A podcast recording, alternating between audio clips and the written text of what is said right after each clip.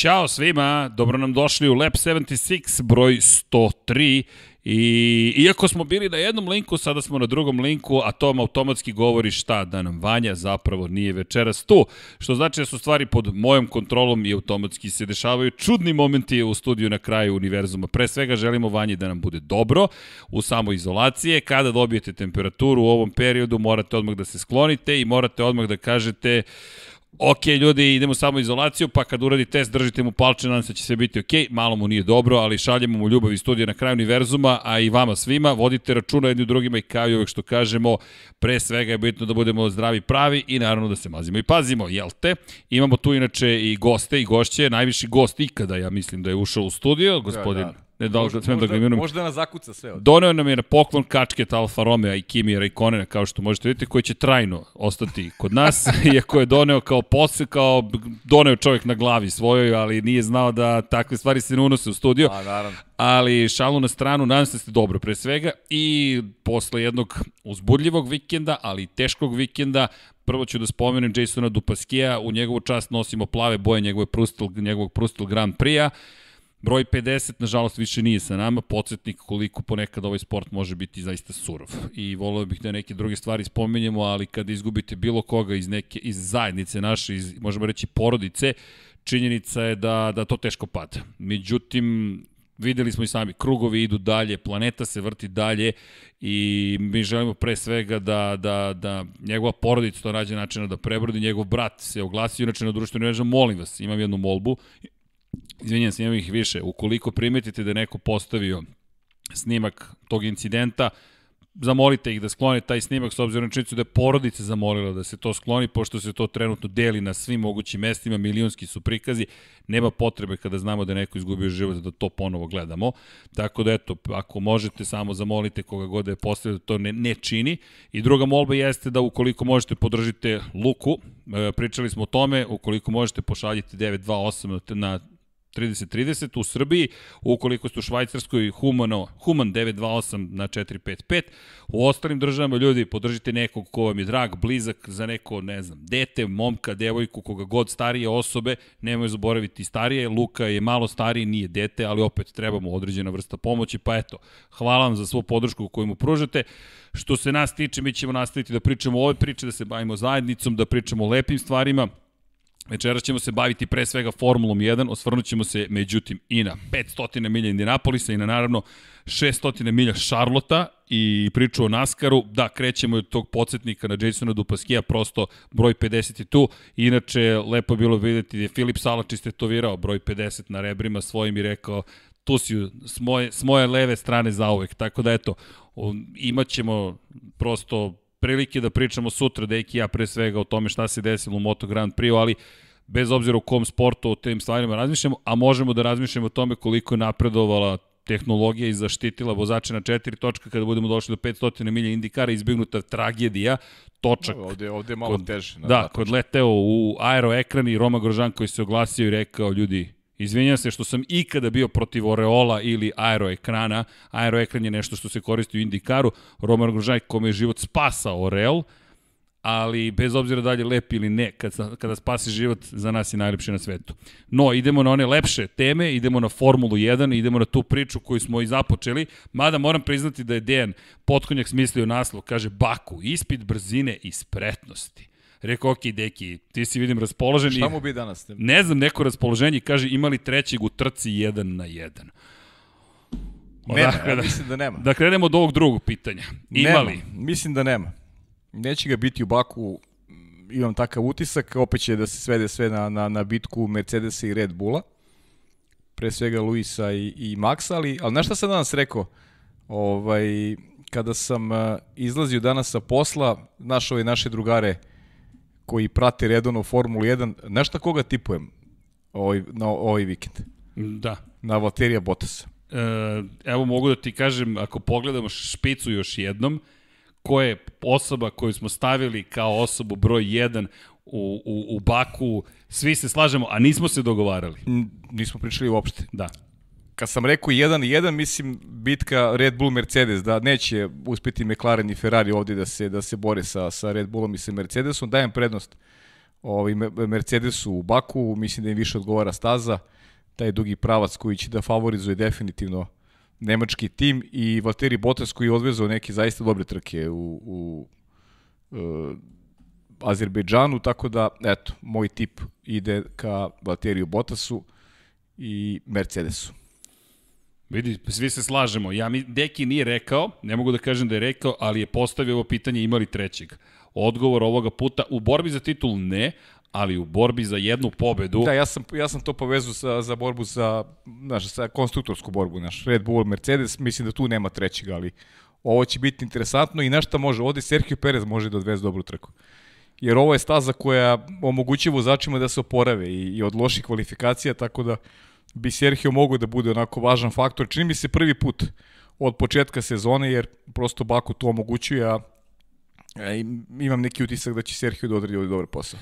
Pazi, Sergio, ako se vratimo u vreme Racing Pointa i Roze Boja... Upravo to, pa sećaš one trke, Esteban stalno Ocon govorimo, stalno govorimo da je to bila najbolja istorijska šansa za, za Force Indiju da pobede upravo Baku. I, da je bilo malo da, više razumevanja. Force India, nije bio Racing Force Point. India, da je bilo malo više razumevanja između dvojice kolega ubeđen sam da bi oni pobedili trku. Jedan od njih dvojica. Da u svakom slučaju Baku, mesto na koje možemo očekivati, bez obzira što nam je, kada se pojavila na, na, na kalendaru, oblik same staze je delovao, moram priznati, dosadno. Još jedna ulična staza. Čekajte, ljudi, pa ide ovako. Tap, A uopšte tap, nije dosadno, da. Tap, dobre, tap, dobre je to staza. 90 stepeni, 90 stepeni, 90 stepeni, 90 stepeni, kažeš sebi, čekaj, šta ćemo ovde da vidimo, koju veštinu? Ozbiljna veština je zapravo neophodna. Pite i... Leklera, kakva veština mu Tako treba. Je. Ispit brzine i spretnosti. Jedan je brzina, 2 km, onda je prvi deo staze i onda ulazak u stari grad. Ne idete tamo turistički, tamo prolazite kroz jedan od najužih delova u Formuli 1, zapravo najuži deo, tačno to skretanje u levo gde Leclerc udari u zid, sličnu incidentu koji je imao u Monaku pre sada već skoro dve nedelje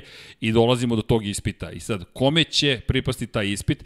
Ima ovde, Deki je zapravo, sad sam shvatio, poigrao se sa mnogo stvari, konstruktori, da li ima trećeg ko bi mogao ovde da se bori jedan Da li Ferrari može da ponovi delić onoga što je učinio u Monaku? Da, Deki je novinar ozbiljan, mislim, ovo je vrlo ozbiljan. Onako lep naslov, naš, baš, baš za razmišljuje o tome. Nije i... clickbait, već da, naslov, da, da, naslov, novinarski ovo je pravi naslov, novinar, jest. jest. Mi smo samo dodali plus novinar, Indy da, 500. Ozbiljan jedan, jedan plus za, za, za naslov. Da, i, i to je taj test, ispitaj brzine, brzine i spretnosti, fenomenalno, i taj treći u trci 1 na 1. Pa koji treći? Je li to Ferrari? Je li to McLaren? Da li je to sumnjam Valtteri to, Bottas, zaista, da li je Sergio, to, da, da. da li je Charles, da li je Carlos Sainz, ko bi mogao da bude taj treći.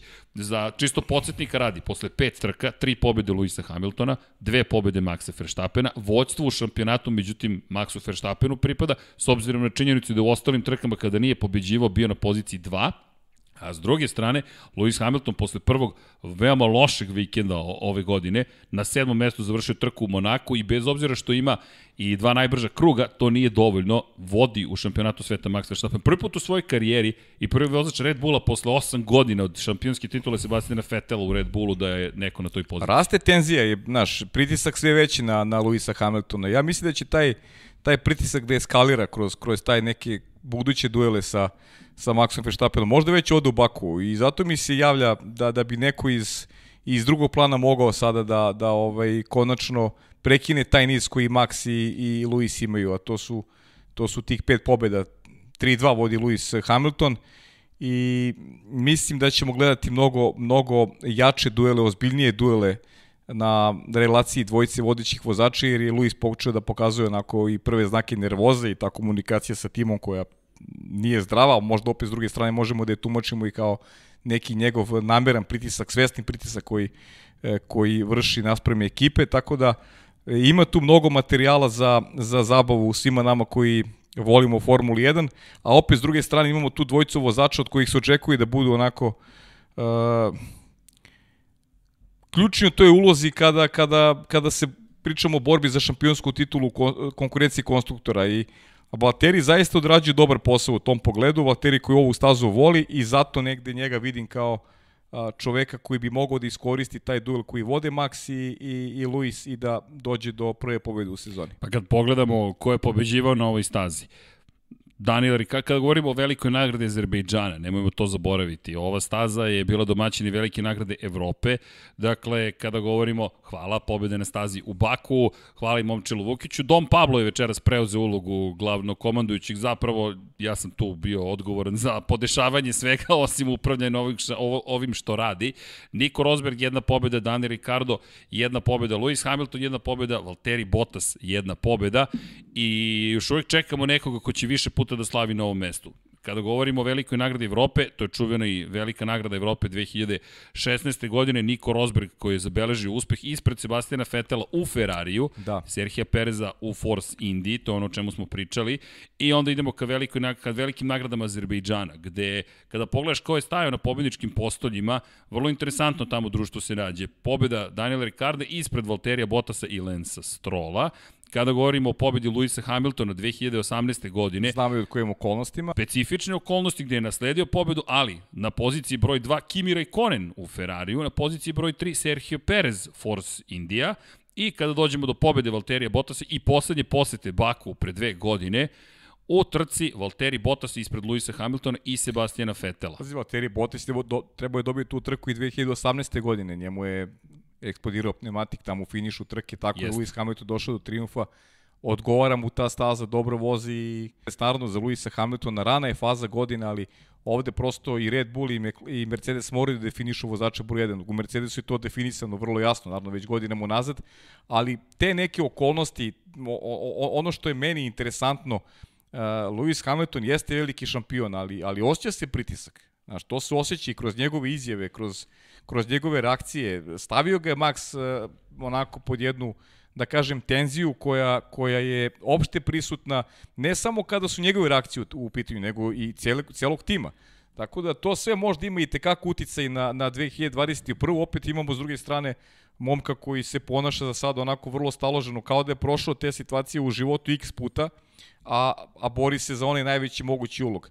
I eto, iz, iz te prizme meni posebno onako interesantno kako će ovi vozači koji nisu u prvom planu, kako će koristiti potencijalne greške na ili te neke sukobe, po znacima navoda, koje će se a priori dešavati, ubeđen sam između Maxa i, i Luisa Hamiltona. To je ozbiljna pitanja se otvaraju, nekoliko veoma velikih pitanja. Valtteri Bottas, i ti i ja, čini mi se deki nekako između redova tipujemo da će neko treći ovde biti, do, biti na poziciji broj 1. Deluje da će u šestoj trci doći treći pobednik, deluje nam ovde, makar u ovom studiju, da Valtteri Bottas ima tu šansu. Pitanje je, ukoliko Valtteri Bottas vodi, a Lewis Hamilton je na poziciji broj 2, Šta se dešava? Pa tu nema pitanja. Mislim, pobeđuje Lewis Hamilton. Tu, tu, mislim da nema pitanja. Kao Mora što, Rusija 2018. Kao što da nema ponovi. pitanja, čini mi se ako Sergio Perez vodi, a Max Verstappen iza. Mislim da ni tu ne sme da bude pitanje. Jer znamo šta je glavni ulog, znamo šta jedni i drugi, šta jedni i drugi žele. I to je, pazi, to je, kako bih ti rekao, timski je sport. Ja stvarno ne razumem ljude koji, koji, koji to ne mogu da razumeju. Mislim, znaš, postoji jasna podela tu. Zna, zna se ko su glavni akteri, ko su glavni protagonisti. E, svi bismo volili da gledamo možda drugačije stvari, ali, ali to razumljivo iz percepcije tima. O ljudi koji vode, koji vode timove. Mislim da su neki drugi propuštali, sad opet se vraća na taj Ferrari 2018. i njihove propuste. Jednostavno moraš da imaš jasno definisane, u stvari, uh, uloge definišu sami vozači. Znaš, oni ih definišu na stazi. Ti kreneš u sezonu, kako ti se sezona otvori, To je kao ona pobeda, ka, kao titula Kimi Rekonena posljednja za Ferrari. Kimi Rekonen nije bio prva opcija za Ferrari, ali Kimi Rekonen se izborio sa Filipeo Maso, sa Schumacherom koji, koji sedi u, u, u garaži Filipea Masi sa, sa nečim što je bila opšta podrška Filipeo Masi, ali, ali Kimi se izborio sa tim i došao do trofeja. Bukvalno je bio sam protiv svih u tom momentu. I pazi sad ovo. Sergio Perez, kao što si rekao, može da bude na poziciji broj 1. Opet može da bude prilika za njega. Force India dva puta je bila na pobničkom postolju zahvaljujući Sergio Perezu. Da se vratimo na ono što si ti rekao, zašto može da bude. Opet ista priča. Ako povede, mora, da, mora. Prosto ne mora da pusti, ali no. očekujemo da pusti, da. da će to biti sastavni da priče. I slažem se s tom, kada pričamo o tome da je timski sport, e, hteli ne hteli, da je McLaren možda ekipa koja se bori za titulu šampiona sveta. Možda bi dala nekoj drugoj priliku da nešto drugačije uradi. Mada ne vidim da bi se to desilo. Mislim da bi Ferrari u istoj koži rekao, ok, idemo na jednog čoveka. Mada, mada. Ferrari, Ferrari- sa, Ferrari mo, Ja po, Ferrari povlačim ne- to što ne. sam rekao, ja se izvinjam. Ferrari ne računam u tu Moderni priču. Ferrari ne. ali zato što ja mislim da bi taj moderni Ferrari zapravo radio što radio sa Vettelom, pa i sa Charlesom Leclercom i Kim Raikkonenom. Ponekad da, ponekad ne. Ponekad da, ponekad ne, ali u ovoj situaciji ti moraš da ideš na timski sport. I tu nema uopšte više pitanja, ali morao sam da ga postavim. Dakle, Valtteri Bottas, ukoliko želi da pobedi, Lewis Hamilton ne može da bude na poziciji 2. Ili, treće plasirani mora da bude toliko blizu da bi bilo kakav pokušaj preticanja bio drugačiji. Bio riskantan, tako da samim tim ne smije da ga pusti. I obrnuto, Perez, ukoliko je Verstappen drugi, a iza njega Ajmo, odmah, na ajmo primjer, da Lewis postavimo stvari ovako. Valtteri Bottas je u dobroj formi. E, mi pričamo sad o Lewisu Hamiltonu koji je na prošloj trci bio očajan. Ne, nije problem, nije problem ekipa i ona izjava Tota Wolfa koja je, koja je zaista smešna na, na vezano za Valterija Bottasa kako je pogrešno stao u pit lane. ajde da se osvrnemo na smešna izjava. komentar, da kasnimo koliko je dugo trajalo skidanje. Ne, ne, ne, zapravo ski- skidanje točka Valterija Bottasa, 43 časa je trajalo skidanje. To je najduži pit stop zvanično u istoriji Formule 1, tako se vodi da je 43 časa trajao taj pit stop. Koliko će mi da pravimo onaj To podcast? ste koliko ti da kažem traje? podcast. Koliko je trebalo od vremena da se skine točak Valterija Bottasa, toliko bi trebalo da traje jedan podcast pošten. Zar ne? Ajde da se složim. s tobom. Pa šta, kad Neka je to bude- 37 neka bude časova, tako. tu je 43 časa. Ali kažete, ajde pričamo sada o formi. Ajde pričamo da Pa pričamo Bottas kako je bio odličan. Bio je bolji od Luisa Hamiltona u Monaku. Bio je bolji. Inače, Wolf se Ima, bolji, oglasio... ima bolji tempo, dobre kvalifikacije, nije grešio u sektoru 2 kao što je grešio, Ali- grešio Luis. Znaš na šta su sveli priču u Mercedesu? Rekli su da zapravo je podešavanje bolida bilo pogrešno za Monako. I da u četvrtak su znali da neće moći da zagreju gume. čijeg bolida? E sad tu dolazimo do zanimljive situacije. Rekli su da nisu pratili smer koji je predložio Lewis Hamilton, nisu rekli čiji su smer pratili, ali su rekli da nisu Lewisov pratili. I Aha. da su ga poslušali, imali bi bolje rezultate. Međutim, ako pogledamo rezultate, Valtteri je Bottas bio na par deset, desetih hiljadita delova, de- desetih hiljadita, deset hiljaditih delova sekunde u Pablo, odnosu seci na... ovo, seci ovo, Seci ovo, Pablo Seci, Pablo. u odnosu na prvoplasiranog Charles Leclerca. Dakle, nije toliko loše podešavanje bilo bolida, od koga nismo očekivali baš da će dominirati u Monaku. Naprotiv, očekivali smo ono što smo i dobili, da će Red Bull biti izuzetan. Iznenađenje je bila Kad forma smo Ferrari. ti ja rekli da će Max da pobedi? Pa, dve nedelje ranije. Stilo. I jesmo rekli da će Leclerc biti na pobedničkom postolju. Bio je Carlos Sainz, Carlos ali Sainz. smo rekli da će Pogodili smo- Ferrari biti. Pogodili smo, Red Bull smo pogodili i Ferrari, Pa da. pazi, pogodili bismo raspored bukvalno konstruktora, kada pogledaš. Da Bottas nije imao, Tako je, da mislim, Bottas nije imao Mercedes nije imao. Samo U stvari, da Bottas nije, da Bottas nije pogrešio. Da kaže Bottas nije Wolff. pogrešio prilikom zamene guma, bilo bi kako smo i Jeste, predvideli. jeste. Ali i opet, imao je šansu čak Ferrari da triumfuje. Međutim, vratit ćemo se sada i na to pitanje koje je Deki otvorio.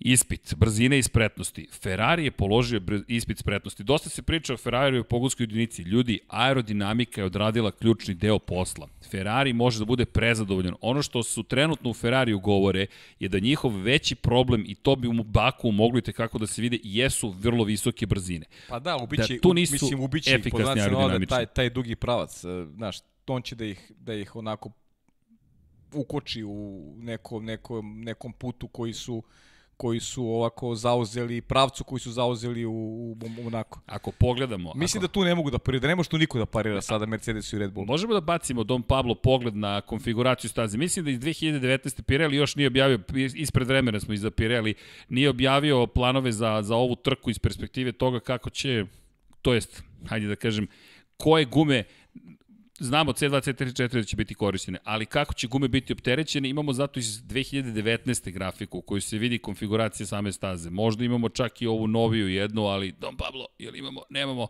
Evo je, Evo hvala, ga, najnovija, a, to je to. Obratite pažnju gde počinje ova staza, to jest krug. Na startno ciljnom pravcu koji je u obliku praktično jedne od kako se to zove? Linija pravoganika. Da, čoveče, kad beše trigonometrija, geometrija. Baš sve ja sam školu završio pre 10 Davno godina, tako da sad beše. ne mogu Da, da, da, da, pa dobro. Ja malo više, pa zato Pa se još, dobro, još si- manje sećam. Ali, čovjek. vidimo strelica gde je, tu označava početak kruga.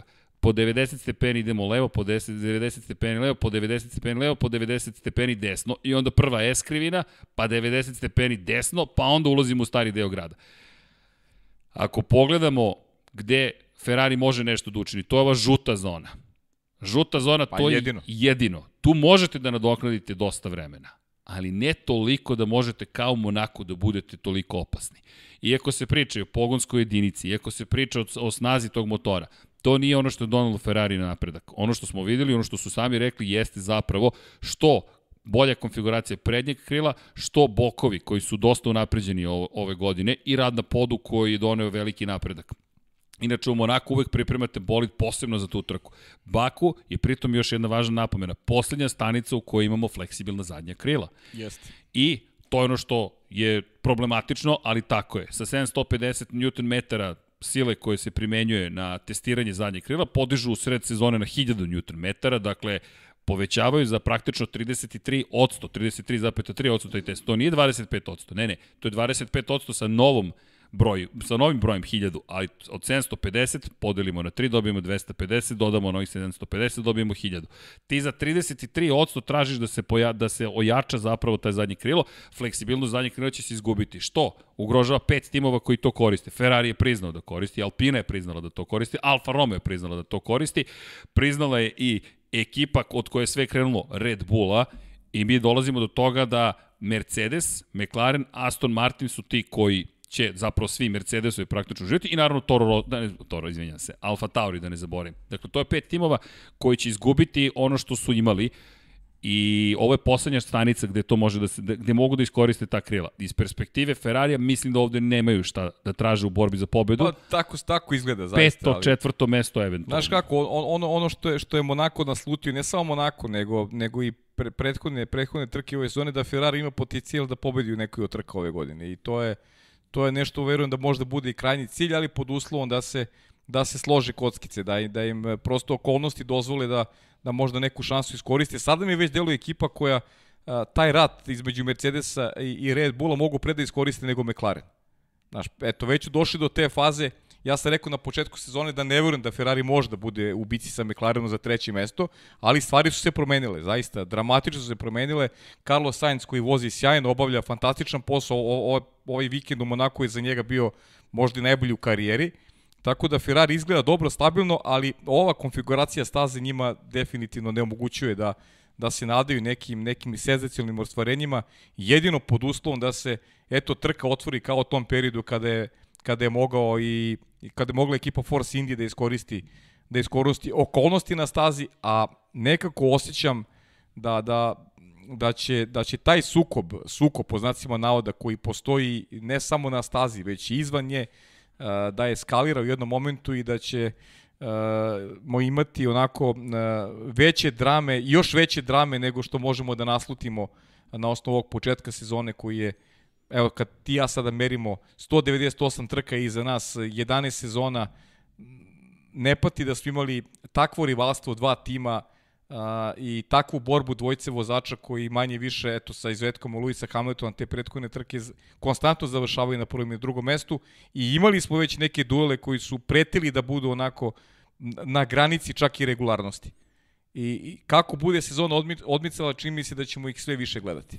I kada pričaš o Baku, to je staza gde smo videli mnogo incidenata. U Baku je bilo svega i svačega. Sebastian Vettel koji udara Luisa Hamiltona u pokušaju da mu stavi Tako do znanja je. da usporavanje Pa to je ta godina kada je Force India mogla da pobedi, da. Nije način na koji to treba da se učini. Zatim Red Bullovi koji izbacuju jedan drugoga sa staze, Daniel Ricardo i Sebastian, oprostite, ne Sebastian već Max Verstappen. Zanimljivo je da Ferrari samo jednom nije bio na pobedničkom postolju ovde. Dakle, Ferrari samo jednom nije bio na pobedničkom postolju kada je bio četvrti Sebastian Vettel iza Lensa Strola, ali okej, okay, drugačiji malo, Ferrari bio je malo moćniji, No, mada ko zna, eto vidiš, kada pogledaš statistiku, statistika je čudo. No, da se vratimo na duele, onda pogledamo Force India, onda pogledamo i Alonsa pre par godina, pre, kada je izbačen sa staze praktično u prvom krugu, pa je došepao na dva točka nekako do ekipe, pa stavio gume, pa bio osmi, ukoliko me sećanje dobro služi. Da, jedna od njegovih najboljih trka. Mislim da je čak i on izjavio da je to njegova bila najbolja trka. Tako da uvek ima neki incident, uvek postoji neka situacija. Ricardo je bio deseti te godine kada je pobedio na startu. Sve se potpuno promenilo. Dva Mercedesa na prve dve pozicije, dva Ferrari na trećem, četvrtom mestu. Pa da, ali kad, kad je ove kad godine incidentima, snaga, znaš, snaga pogonske jedinice gde, gde na koji god stazi dolazilo, dolazilo do izražaja ove godine, tu, Mercedes. Su, tu je Mercedes i tu je Red Bull mogo da parira. Tako da Ferrari i McLaren misli da će Ne, kupe mrvice ovde, znaš. Više to- pričamo o tim pot... Misliš na, na istorijat? Pa na tome, znaš, moraš da prođeš tu prvu krivinu. Incidenti. e, Pa dobro, O naravno. tome pričamo. Ne, pazi, bit će ih. Biće ih sigurno. Biće ih sigurno. Znaš, iz te perspektive... Raste uloga. Rana je faza sezone, ali raste uloga. A već imamo jedan ozbiljan kiks kod Luisa Hamiltona.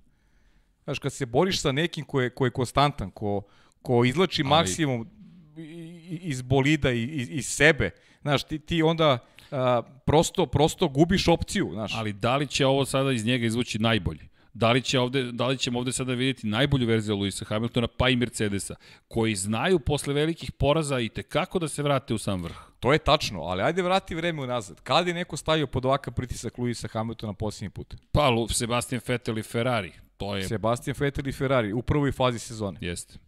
To je to, to je poslednji put da smo to videli. I dolazimo do tih promena sada pravila, to su sad one političke igre o kojima ja zaista ne bih sad da im dajem. Imamo, imaćemo još do, do tada novih podcasta pa ćemo pričati već onako dovodimo u pitanje regularnost takmičenja zbog tih promena, to je ono što sam, što sam rekao i prošli put, jer nisam pristalica toga da menjaš neka pravila u sred sezone, to je, Pa i gume su menjane pre nekoliko godina kada je reč o, o upravo Ferrariju i tom odnosu, pa je promenjene su gume koje su više pogodovale prosto Mercedesu. tako je.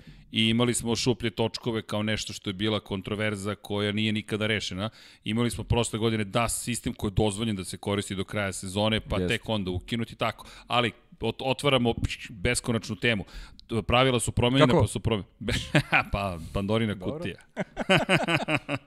ali, ali, ali činjenice da, da će uticati. Iako sada već govore da fleksibilna krila neće igrati tako veliku ulogu. Ono što je, hajde da otvorimo dramu do kraja. Helmut Marko Čemu insistiranje onda na tim promenama ako ne neće znam, igrati? znaš? Iz bezbednostnih razloga. Ja, iz bezbednosti. Ali iz perspektive prednjeg krila, to je zanimljivo. Oglasio se i Helmut Marko koji je rekao pa možda bi Wolf trebalo da pogleda svoja prednja krila. Tako da sad očekujemo kontraudor Red Bulla s obzirom na činjenicu da bi moglo da se desi da ukoliko bude... Pro... Jer šta će se tamo može da se desi s Mercedesom? To je važno napomenuti pre nego što trke počnu. Mercedes može da uloži žalbu na rezultate timova koji su koristili fleksibilno zadnje krilo. Dakle, ono što je radio Renault prošle godine, kada je reč o u to vreme Racing Pointu, Renault je posle svake trke ulagao protest na regularnost tih rezultata i tražio zapravo da se proveri regularnost tog bolida. To je dovelo na kraju do toga da budu oduzeti poeni ekipi Racing Pointa, dovelo je do toga da čak i izgube poziciju u šampionatu sveta, dakle nisu mogli da dođu do tog trećeg mesta koje su želeli, McLarenu je pripalo, upravo tih 15 bodova je bilo kritično na kraju.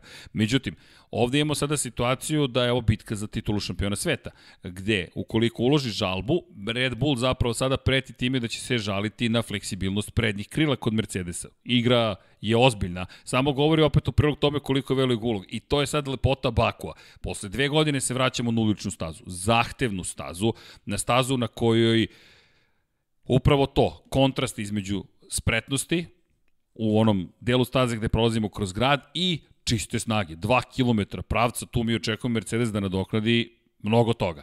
A Mercedes je izgubio nešto što je stekao pred tri godine, a to je brzina na sporim delovima. I sad, ako pogledamo Baku kakav je, možda ipak može Honda sa Red Bullom da ima dovoljno snage da ne izgubi previše, pogotovo s fleksibilnog krila, i onda u onom delu gde se traži veština ili prijanjanje bolida mehaničko, pogotovo da nadoknadi vreme. Ferrari opet protiv McLarena koji je bio iznenađujuće brzo u Monaku. Svi su bili iznenađeni, ne zaboravimo, Lando Norris je bio na pobedničkom postoju na kraju. Malo je to bilo sreće, ok, ali opet je McLaren bio brzo u njegovim rukama.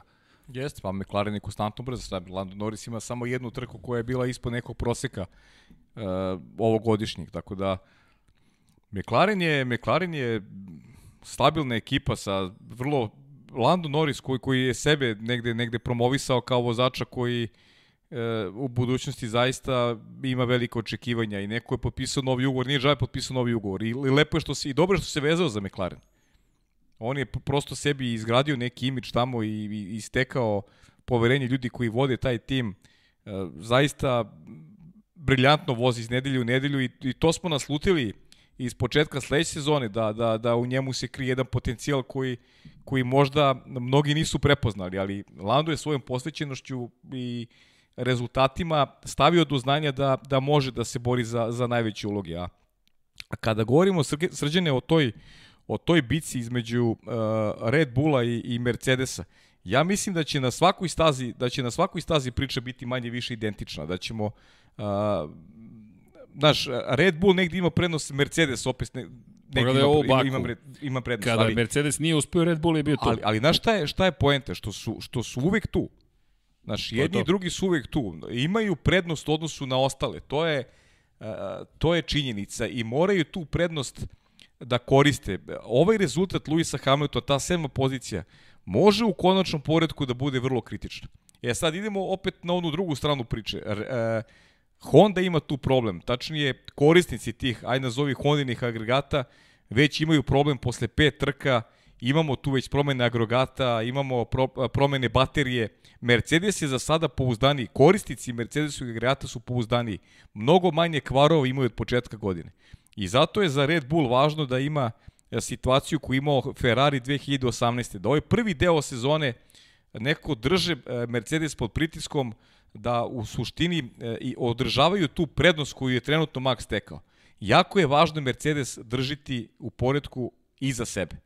To je idealan scenariju, verujem, za austrijski tim i to je način da, da, da nekako držite uh, onako da se stavi uh, Lewis Hamilton pod pritisak na koji nije navikao. On je sedmostruki šampion, ali on čovek na takve situacije nije navikao. Vidi, ja to mislim da, ali mislim da, da, da, da, da smo u opasnosti da ga pocenimo. Ja mislim da će ovo biti ogroman test za njega.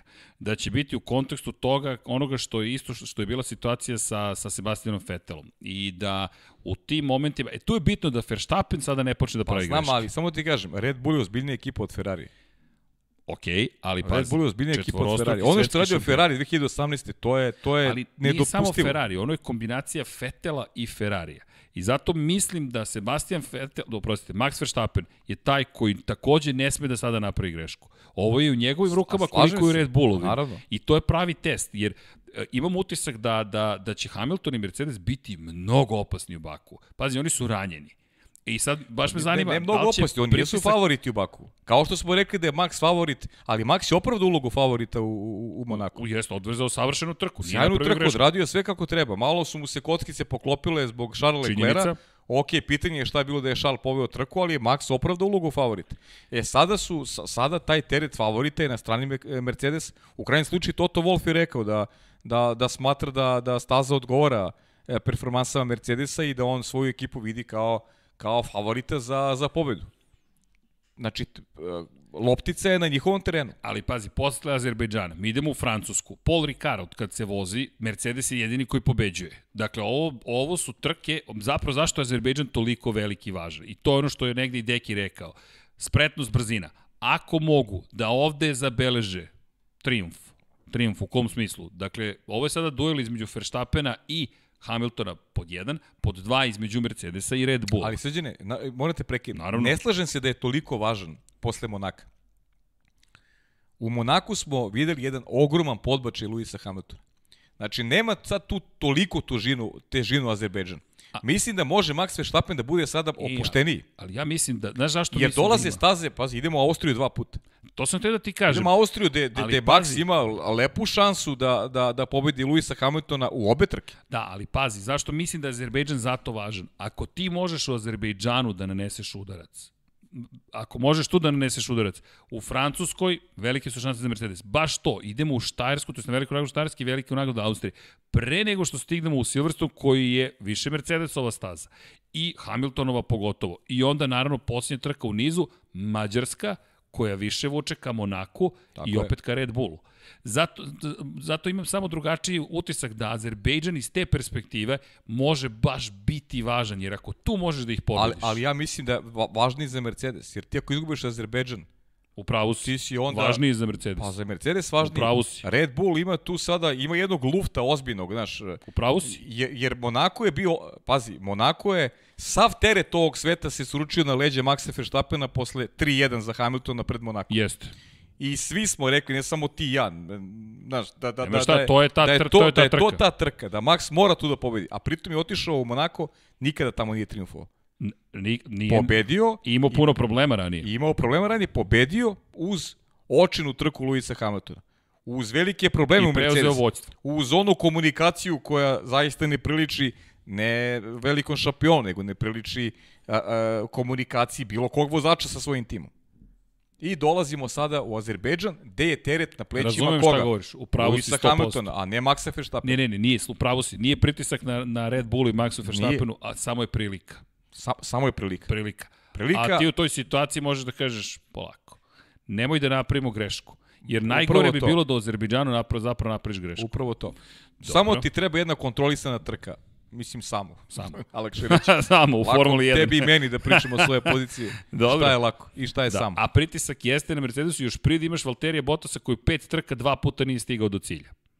Prvo to. I imaš tu priču točak i imaš svašta nešto. I... A Sergio Perez, ti, zapravo ti si u pravu još na početku. Sergio Perez može biti taj kome ovo može biti sjajna trka. Pa zato što, zato što možda se oporavi od loših kvalifikacija. Ovo je staza gde možda se oporaviš i od loših kvalifikacija. A pazi, ovde mu odgovara staza, on je bio četvrti na prethodnoj trci, samo je tri poena iza Bottasa.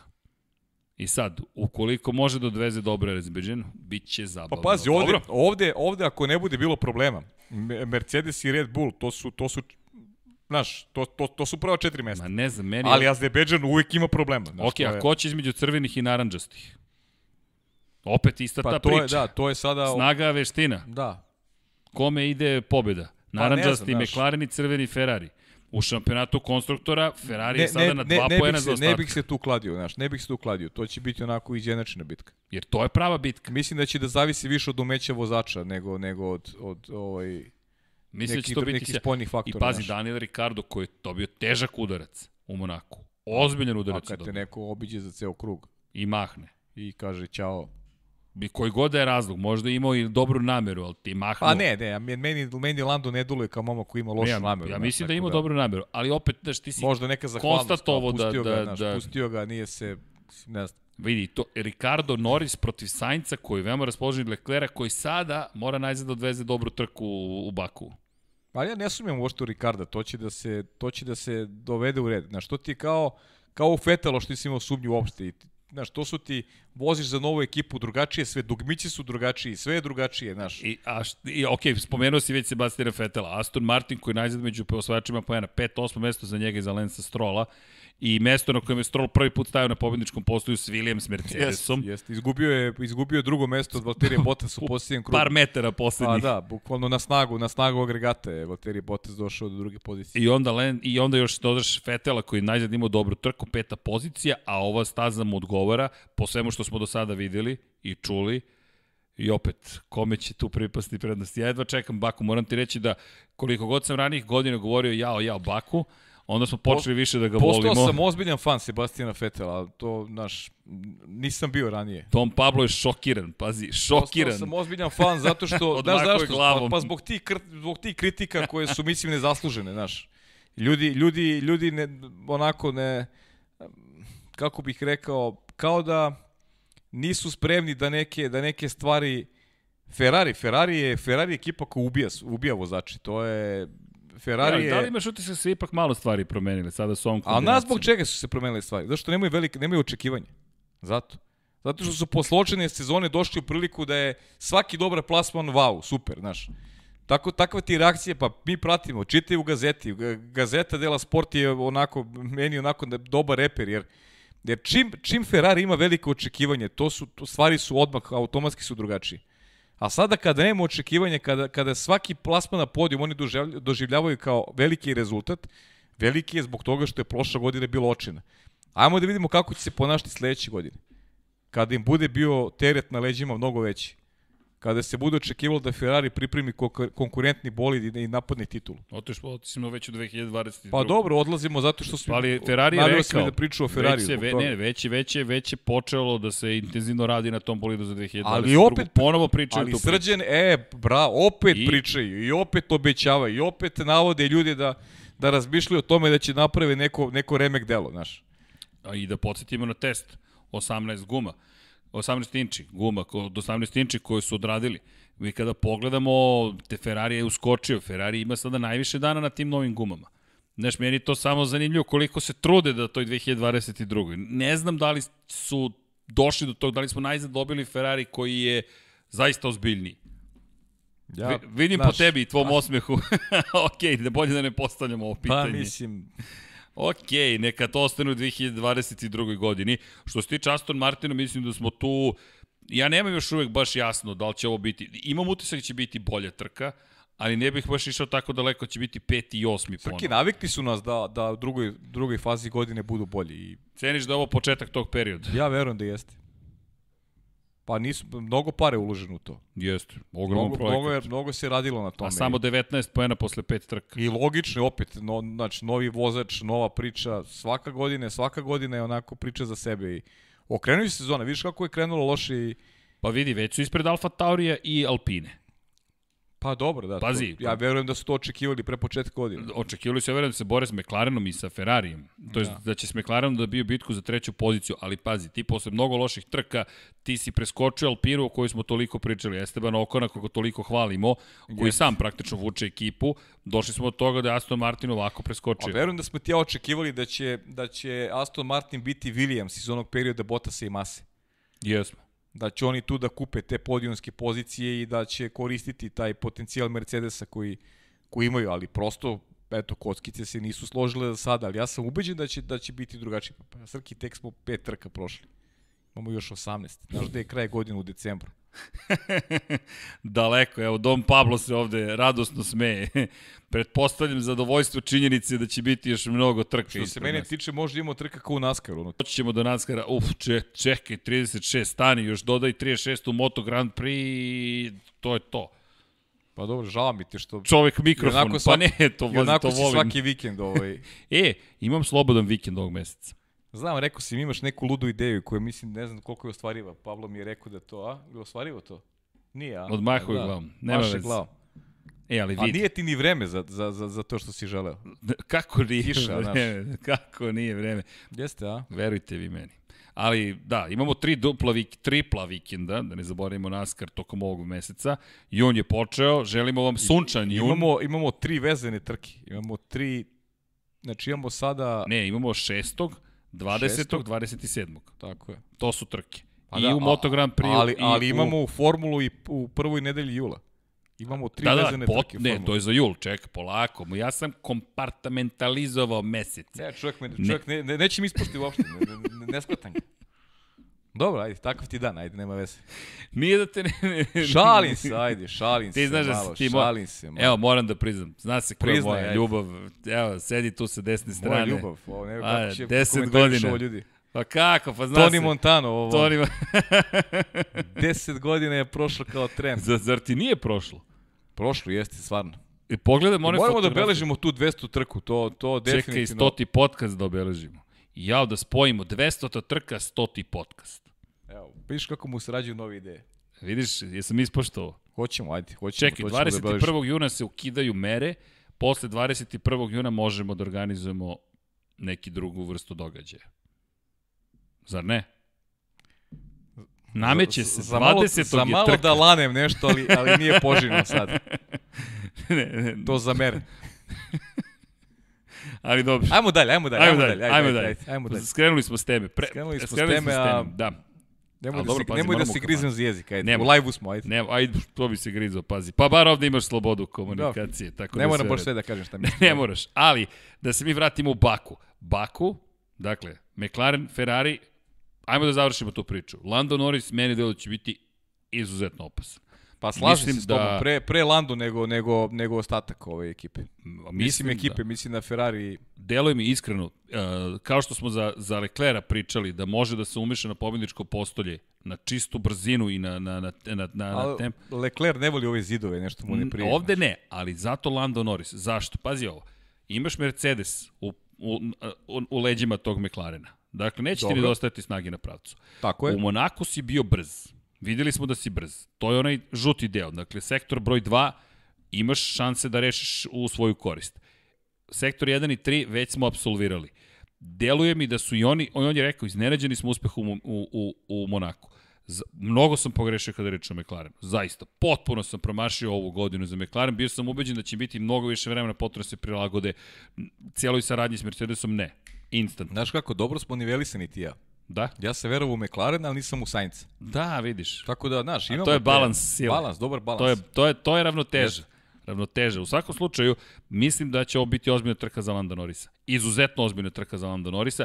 Stavio na pobjedičkom postolju u Monaku, hvali ga Andres Zajdl, dobio je ugovor, pretekao je klubsku kolegu za ceo krug, koliko god nije hteo ništa ružno možda da kaže time što mu je Ma mahnuo. nije sigurno, ne, ne, ma nije ali sigurno. ne, ne, nije mi to pojenta. Pojenta je da je to ipak postigao. Dakle, ti si Jeste. sada u, u, u naponu snage, ti sada možeš da postigneš mnogo toga. Mo, I bez obzira na iznenađenje, ti se sada već spremaš za nešto što, što, što će se desiti u Baku.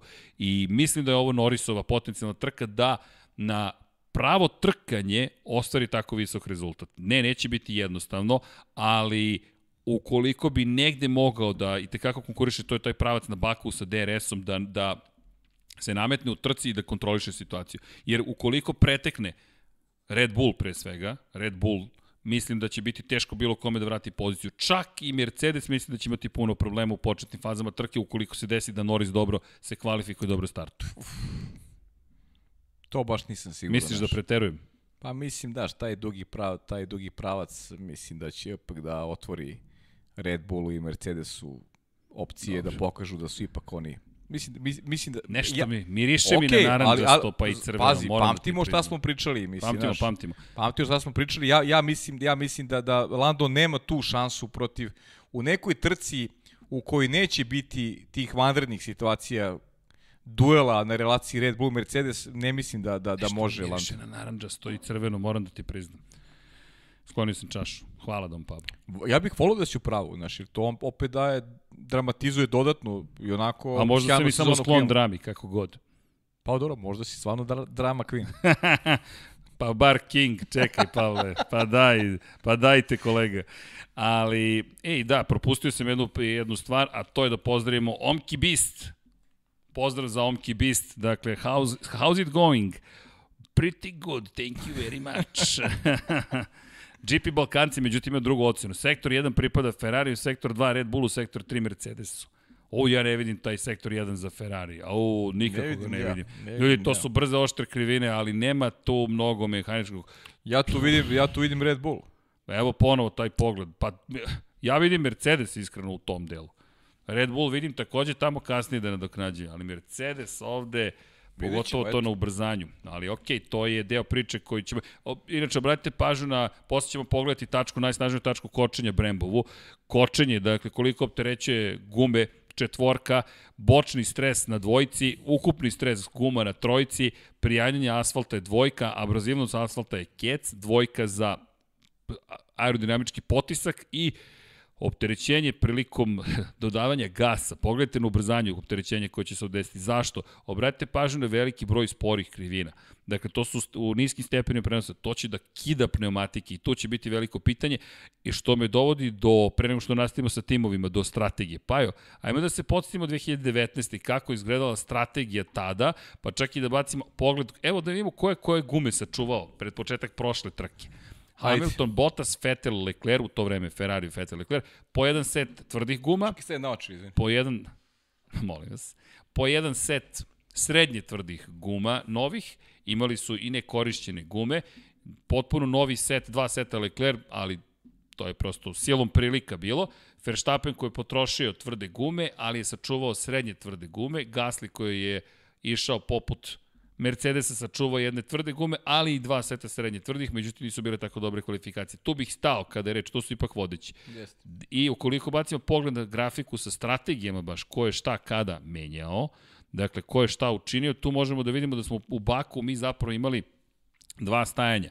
Mi smo u Baku došli do toga da ti kada odeš na dobro je pogled na, ne, na krugove, da ne zaboravimo koji su bili krugovi. Bratite pažnju na početak trke 1.45.394, Magnussen 1.46.682, I kada pogledamo srednje tvrde, bili su mnogo bolji, ali mnogo više krugova. Kada je reč o, inače, o, eh, hvala najlepše, dva stajanja za, za Leclerc, oprostite, većina je zapravo imala jedno stajanje. Aha, sećanje mi je pa da. popustio. Da, Bottas u 12. i 13. krugu. Hvala Dom Pablu za korekciju. A Vettel i ostali pogledi, sa mekih na srednje tvrde odeš.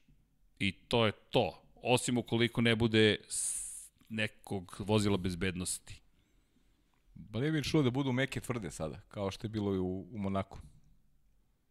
Da, broj vozila bezbednosti u Baku Tri puta u 2017. Dva puta u 2018. i ni jednom u 2016. i 19.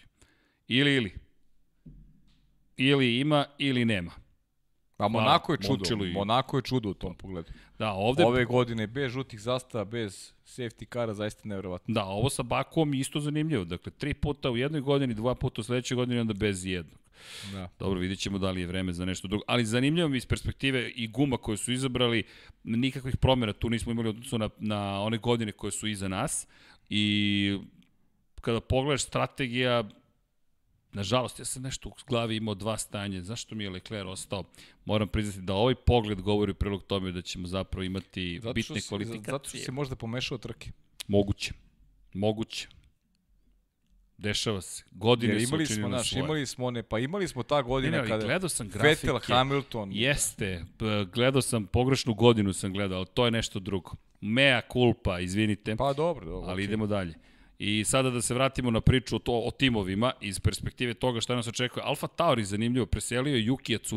U, poslušajte novi podcast sa Yukijom Tsunodom i o generalno njegovom pristupu Formuli 1, vrlo zanimljiv zvanični podcast Formuli 1, zaista topla preporuka da poslušate, Beyond the Grid i njegova priča, pre, preseljen je u Italiju, ne bili, ne bili mu zapravo pomogli oko toga da se bolje priprema za trke. Tako da Yuki Tsunoda neko ko eto, dobija, dobija podršku na malo drugačiji način nego što su dobili ranije vozači A Red pa Bulla. dobija podršku, ali dobio i kritiku javnu od, od Jeste. doktora Helmuta Marka koji je rekao da da Juki kao da ne sluša ono što mu se priča i da, da, da se to onako i tekako utiče na njegovo izdanje na stazi, tako da dećeš, dećeš veću kritiku, a kad te zapljune po znacima navoda dr. Helmut Marko, znaš u kom pravcu ta priča ide. Da, da, ali pazi, ali, ali opet e, dobijaš i prvi put poruku da su spremni da nešto učine drugačije nego prethodnih godina, ne bili ti pomogli. Selete u Italiju, u Alfa Ta, ka sedištu Alfa Taurija, ali ono Pa što je dobro, to je zanimljivo... sad ona priča sponzori, levo, desno, to I je ne samo to. Što, što mora da očigledno Red Bull malo drugačiji kurs zauzima kada je kad Yuki Tsunoda u pitanju, ali ako nastavi da, da vozi kako vozi u posljednje vreme, sređene pitanje je šta će tu da se dešava. Da, ali ako mu pružiš podršku, ako on uspe da, da izgradi samopouzdanje, pazi, tri trke, zapravo četiri trke u pet nedelja, kolega vidite, Pazi, ja, sam ja dodao celu smatram priču. da, da, je, da vozač mora dobije podršku makar u jednoj sezoni. Da pokaže na različitim konfiguracijama staza kakve su mu mogućnosti, e, da li jeste za, za velika dela ili nije. Tako da Juki, verujem da će dobiti priliku do kraja godine, ali nisam siguran da će da će prista, priča ostati za 2022. godinu. Pa da, ali Okej, bar, pristup. bar da ga ne promene u sred sezone, kao što su Pjera Gaslija Pa otpustili. da, ali mislim da bi to baš bilo onako preterano bez opcije, da ostane bez opcije nakon pet, nakon pet trka, šest, sedam, koliko god. Mislim da će mu dati šansu do kraja godine. Ok, ali Cunoda prema najmama Red Bulla se seli iz Italije. Meni je to malo drugačiji signal u odnosu na prethodne godine. Koji god da je povod, da li si sponzori, da li nešto drugo. Ti ipak daješ jednom mladom čoveku šansu i radiš nešto što je Carlos Sainz uveo u modu, to je trebalo svi da rade posle Mihaela Šumahera, preseliš se gde je fabrika, opa izvinite, dakle preseliš se gde je fabrika i kažeš, ej, ja ću biti tu i provodit ću svo vreme ovoga sveta sa vama, sa mojom ekipom. Norris je neko ko živi u Britaniji pa nije imao taj problem, ali Carlos Sainz kada je trebalo da radi za McLaren, on je došao čovjek iz Španije i rekao teško mi je bilo da napustim sunčanu Španiju, ali se preselio u Veliku Britaniju. Sad se preselio u Italiju, cenim da će mu biti malo lakše, ipak malo lepši vremenski uslovi Značajno lakše. značajno lakše, a onda dođemo do toga da sad Cunodu iz Milton Kinza, gde je sedište Red Bulla zapravo, šalju u Faencu, gde je, koje je sedište Alfa Taurija. Prosto mi deluje da su spremni da učine nešto više, ne bili mu vratili samopouzdanje. Mislim da je to samo pozitivan signal. Inače, zanimljivo šta je otkrio za Pjera Gaslija. Rekao je gde je Pjer Gasli mnogo jak. Rekao je Pjer Gasli je savršen u kvalifikacionim krugovima i rekao je da je to nešto što on ne može tako lako da ponovi. I zanimljiva je cela priča da sad ne prenosim cijel podcast o tome koliko mu je vremena bilo potrebno da se navikne na sve dugmiće i prekidače koje ima na volanu Formula Pa 1. Pierre Gasly, znaš gde je Pierre Gasly najjači? Što je prošao taj put od vrha do dna i što je uspeo kad je došao kad je došao do dna da se ponovo uzdigne, dođe do pobede i, i sada gradi svoju karijeru na, sa, sa mnogo samopouzdanja, sa, sa vere u ono, sa verom u ono što radi i, i neko, on je momak koji svako ima budućnost u nekom, nekoj ozbiljnoj ekipi nego što je to Alfa Tauri. Ne može svako to da uradi. Znaš, ne možeš svako kada dođeš u poziciju da voziš jedan Red Bull i da, da ti onako uh, potpuno uh, da te istisnu i da te uh, u neku ruku i, i pocene kao vozača, kao osobu, uh, ne može svako da se vrati. A Pierre Gasly je to uspeo na najbolji mogući način, tako da je to razlika u odnosu na Pierre Gasly i neke momke koji, koji su imali popuno drugačiji put od njega. Recimo, ne znam, Lance Stroll, uh, neko ko je dobio na, na izvolte bukvalno uh, sve što je u karijeri poželeo. A Pierre Gasly imao jedan vrlo trnovit put i, i toga ojačalo i toga čini uh, vrlo konkurentnim u budućnosti uh, za neko mesto u ozbiljnoj ekipi. Inače, Esteban Okon sličnu priču imao. Esteban Okon koji je takođe prošao kroz jedan težak period. Da. Ostao bez angažmana. To izgleda to kod Francuza se ponavlja. Esteban Okon koji je, čiji otac inače prodao svoju automehaničarsku radnju, ne bili podržao karijeru sina i onda su putovali karavan, karavan praktično kamp prikolica, putuje se po celoj Evropi, ne bili ostvario svoje snove Esteban Okon, i najzad je dobio priliku, Toto Wolff inače rekao da što se tiče ugovora sa Alpinom, da će to prepustiti svom menadžmentu. Taj, te, tu vrstu pregovora, tako da vidi, bit će to zanimljivo vrlo. Pa njemu pomaže Fernando Alonso u stvari. Misliš Jeste forma Fernanda Alonso? Pa mislim, da. Forma koja je teško će biti mnogo bolje a Esteban Okon je sve bolji i bolji. Inače, Okon koji je rekao zapravo da ovo što trenutno postiže u intervju sa Autosportom je rekao da je Josh Peckett čovek koji je ključan za njega. Josh Peckett koji inače dugo vremena već u, u Renault, međutim, iako je bio trkački inženjer i deo uh, tima koji pruža podršku trkačkom timu, nije dobio ovu priliku, međutim ove godine Alpina ga je sklonila, bio je performance inženjer, uh, inženjer zadužen za performanse, prebacili su ga da bude njegov trkački inženjer. I rekao da je peket za njega taj ključ ka uspehu, koliko opet važno sve da funkcioniše, ali iz perspektive poređenja sa Gaslijem, I on je konstantan ove godine, stalno osvaja bodove, isto kao Pierre Gasly. Ja mislim da bi Okonom mnogo teže bilo da je Ricardo ostao u Alpini. Gotovo sigurno. I onda bi, Gotovo sigurno. onda bi njegova pozicija naredne godine bila onako pod velikim znakom pitanja. A ovako on pobeđuje neko ko je dvostruki šampion, neko ko dugo nije bio u Formuli 1 i moram, moram da priznam da za mene ovo nije nikakvo iznenađenje. Ostalom, to smo pričali smo to na podcastu. Ti si više verovao u Okona. Pa, ja sam izgubio znaš, veru u Okona, moram pazi, ti priznati. to je kad neko, znaš, 40 godina Fernando Alonso dugo nema u Formuli 1, nije realno da sa tim momcima možeš posle tolike pauze da se da se takmičiš ovaj na na pravi način i rekao vidiš, bi, ja sam očekivo ipak Alonso će biti pa, taj. Pa, to je onaj, to je ta, taj romantični deo koji imaš vezan za... Hvala. pa da, okej, okay, ali daš pa, kako... To jesam ja. U principu, da, da, to je to. Nije, nije, nije ništa sporno, a možda se ja malo racionalniji sam. A vidiš, ali dobro se tu mi izbalansiramo. Pa, pa balans je jako važan, balans je jako Čekaj, važan. Čekaj, to znači da si ti racio, ja sam emocija.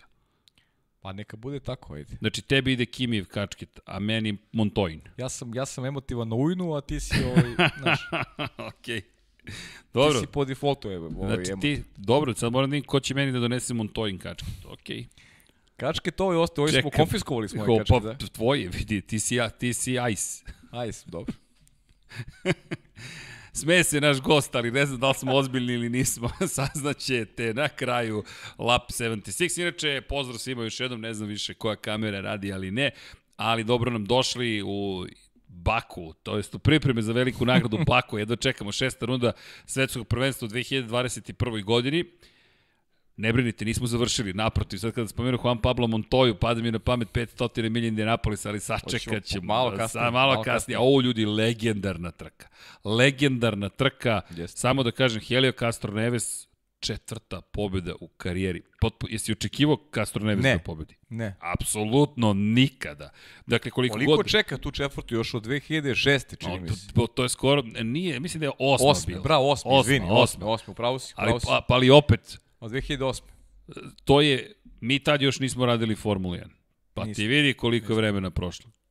Ta, ta, to je period kada, kada je u Formuli 1 Lewis Hamilton svoj svoju prvu titulu. Pa u 46. godini života dođeš do četvrte pobede na Indiju.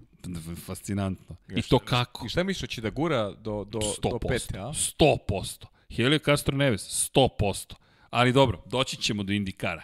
Ali, ali Baš, samo da znate šta vas čeka. I naravno priča o, o Kajlu Larsonu i priča o rekordima u Naskaru. Ima još toga što smo vam pripremili za večeras. Ali prosto krenuli smo eto od formule. No, Juki Tsunoda kako god, eto u Italiji možda ćemo prijati. Inače, najviše se priča s Jukim Tsunodom o hrani i njegovim psovkama. Mnogo više u tom momku nego da ga svedemo da ga banalne Ma da, naravno, situacije. ma naravno. Da, dosta psuje u vožnji, rekao je, ne znam, inače ne psuje, ali kad sedne u bolid, prosto se promeni. Rekao bih road rage varijanta. Oprostite svima koji voze u saobraćaju što imaju čudno ponašanje, dakle, to je taj moment volan, saobraćaj, eto. Da. Inače, lajkujte video, to pomaže uvek. Kliknite ono dugmence. Pablo, lajkuj. Dolar, lajkuj. Pa Don Pablo, jeste lajkovali? Ok, Ivane?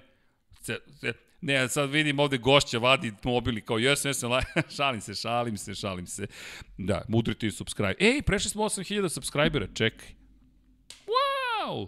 To je znak beskonačnosti 8, tako da Do sledeće nedelje desetka mora da bude. do sledeće nedelje. Vidi, lep je osjećaj, fakat nije da, da sad nešto radimo specijalno da bismo to postigli, ali ako ti kažeš 10.000, može ljudi, 10.000, eto, to nam je cilj. Ali pre toga, 928 na 30.30 i podržite Luku ili bilo koga do koga vam je stalo. Ok, ode negde ovo intermec. To je ta čuvena digresija. Pa dobro, Srki, A to je naravno. sve normalno. Ovo je podcast. Ovo je Podcast, lagano. pa naravno da je podcast. Lagano. E, a kada pričamo o ugovorima, Sergio Perez dobio je od ekipe Red Bulla poruku, pre letnjih raspusta nećemo pričati o novom ugovoru. Možemo da je tumačimo Možeš i ovako načina, i da. onako. Stižete Azerbejdžan, stižete Francuska, pa dve trke na Red Bull ringu, pa Velika Britanija, pa Mađarska. Znaš kako, to je, to je vrlo, vrlo škakljiva tema šta je, šta je dobro za ekipu. Šta bi ti Da, uradio? da li vezati vozača ugovorom? Pa zavisi od karaktera. Moraš da imaš, da imaš onako da, da odigraš i tu ulogu psihologa, znaš. Valteriju Bottasu nikada ne bih dao ugovor u sred sezone. Zato što, ne znam da li, kad god je dobio ugovor, oni nekako kao da se zadovoljuju istim, pa, Posrnuo. pa je posrnuo. A to je prosto, prosto na timu da A- ali proceni. šta bi da radio sa Serhijom? Sa Serhijom, pa Ajde ovako, ne znaš šta ti kažem. ajde ovako. Kad je zabeležio pobedu? Kad je bio otpisan. Kada, kada se ceo svet odrekao. Ne jedan tim, svi su ga se odrekli. Nikomu nije davao ugovor. Pa da, ali, ali, ali on je svestan uloge koju ima sada. Opet, s druge strane, to je sad postoji ta neka, ok, Carlos Slim, sve u redu, ali A ne pos- samo to. postoji neka briga, briga, verujem, šta će biti sutra. Šta, šta ja treba da uradim da bi sutra ostao u toj Formuli 1? Pa, ali zašto ti kažem, da mu daješ ugovor sada ili mu kažeš sačekaj s Tako je. ugovorom? Pa, Ja bih mu rekao sačekaj s ugovorom. pa ajde, mogu, mogu da se složim, mogu da se složim s tobom. Ali ajde. do leta.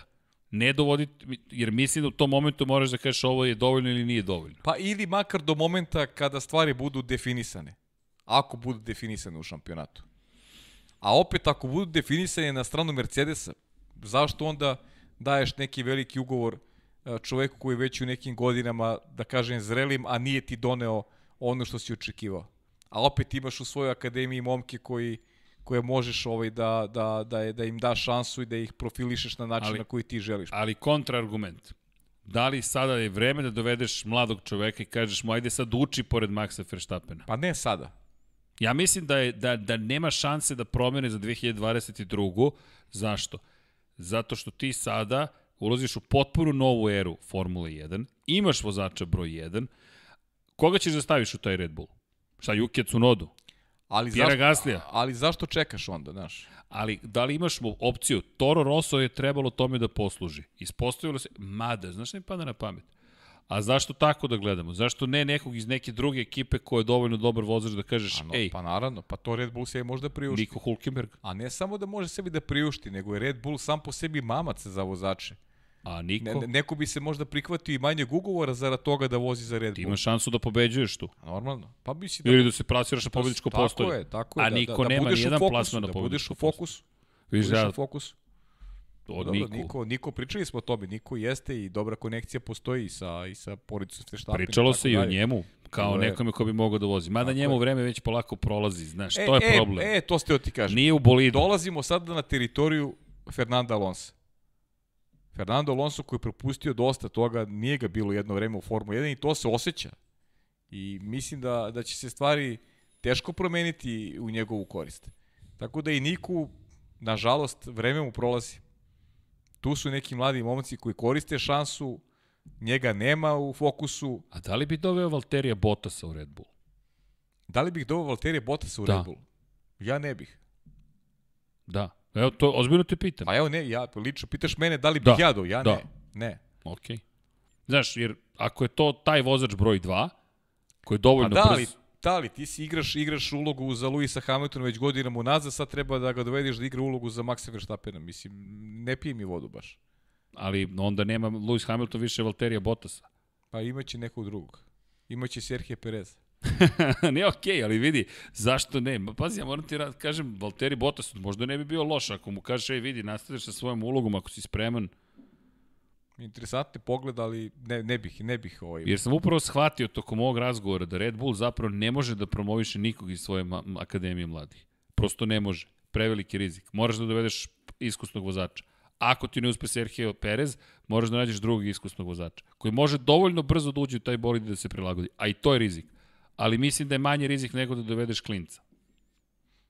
To ti je Alfa Tauri. A Pierre Gasly ti je već rekao ne više. Pa dobro, mislim, ti misliš da stvari ne mogu da se promene. Pa mislim da mogu uvek da se promene, ali da li će Pierre koliko, Gasly... koliko sam puta čuo to, nikad više, pa... Pa dobro, ali da li će Pierre Gasly da kaže sutra ako mu kaže, "E, vidi, Max je brži. Kako god ne verujem u tu opciju, Okej, Red Bull i okej. Valtteri Bottas mi, Ali- ali... deluje mi, deluje mi nespo... Ja mislim da će, da će Valtteri Bottas naredne godine Izvinjam se, sa ali Lewisom prosto Hamiltonom biti tandem ovaj Mercedes. interesantna mi je ta priča, ali Da. dobro. Idemo, idemo, idemo dalje u pripreme za Baku. Okej. Pazi, i šta ćemo s Fernandom Alonsom u Baku? Ajde, spomenu smo Okona. Pa ništa, bit će iza, iza Okona opet. 13. pozicija u Monte Carlo, očekivali smo Zabori više. Okon, Okon lepo vozi u Baku takođe. Dobro, i to nas Okon dovodi... je prva opcija, prva opcija Alpine definitivno. Znaš dokle nas dovodi? Dovodi nas polako li sigurno do Antonija Đovinacija. Tonio Giovinazzi, veliki bod. Yes! Bravo za Antonija, sjajna trka. Čekaj, ima, čovjek ima broj 7 ovde i navija za Antonija Đovina. Ja ništa Naravno. sad, ja ništa sad ne razumem, ali Naravno, Ostoje bez kačketa Giovinacija. 100%. Dakle, Antonije Đovinaciv, kačket, sve je u redu. Da, ali Antonio, bravo. Antonio. Prvi poen za Alfa Romeo. Trebalo je Kimi da osvoji to u Imoli, oduzeti. I Kimi bravo kako je, kako je naučio Giovinazija ovih godina. Kimi Zanimljivo bravo. da to Kimi je- spomeniš. Znaš šta je Pa, rekao naravno. Frederik Vaser? Šta? Kaže, Antoniju više nisu potrebni saveti Kimi Rekonana, niti referentne tačke koje mu je Kimi davao do sada. Šef Alfa A, Romeo to kaže. A, znači da je učio. Pazi, Znači da je učio. da li je imao ne- prevazišao A meni Kimi učitelja? deluje kao neko ko je, ko je takav tip. Znaš, Kimi je, Kimi je, deluje mi neposredno, deluje mi kao čovek koji će ono što zna da podeli. Kimi je neko ko uživa, ja verujem, najveće simpatije kada govorimo Da, o dobro. nekim neutralnim i neutralnim igračima i onima kojima, kojim, To je taj ultimativni vozač ma da, on svi je, obožavaju. Bukvalno je, bukvalno je, bukvalno je taj lik. I, I nevažno I što je, duže bude tu, bolje je Formuli 1. da li je on Valentino Rossi Formula 1? Uh, odlično pitanje. Znaš da sam, da sam uh, razmišljao o tome, on, on jeste Valentino Rossi Formula 1. Bukvalno, to je Valentino Rossi Formula 1. Možda, možda ne sa takvom ulogom, kao što ima Valentino Rossi. Dobro, nema da taj je- broj titula, Nema taj broj titula. Znaš, ne, ne, ne, ali nema, ima titulu s Ferrarijem. Tako je, ima titulu sa Ferrarijem i ima, i ima, ima nešto što objedinuje sve navijače. Ima, ima, ima, ima tu ljubav koju mu šalju. Znaš, Ja mislim ima, da je beskonačni kredit za Kimi Rekonen. Neverovatan, neverovatan lik, zaista. Neverovatan lik i interesuje formule da Kimi potraje. Hm. Eto ti najbolji primjer, Antonio Giovinazzi. Pa sjeti se kako, na što je Antonio ličio kada je ušao u Formulu 1. Bio je čovjek To je koji... ova, ov- ovako da ga gledaš. Ili da ga ne I, gledaš. i, i, da se, I da se moliš, da se moliš da, Ok, ovo je da, bilo ti ne surovo. napravi, da ti napravi neku štetu. Da ti napravi ovo, je neku bilo, štetu. ovo je bilo krajnje surovo, ali iskreno. A tako je bilo, direktno. zaista. Pa seti se velike nagrade Kine. Pa sjeća se svega.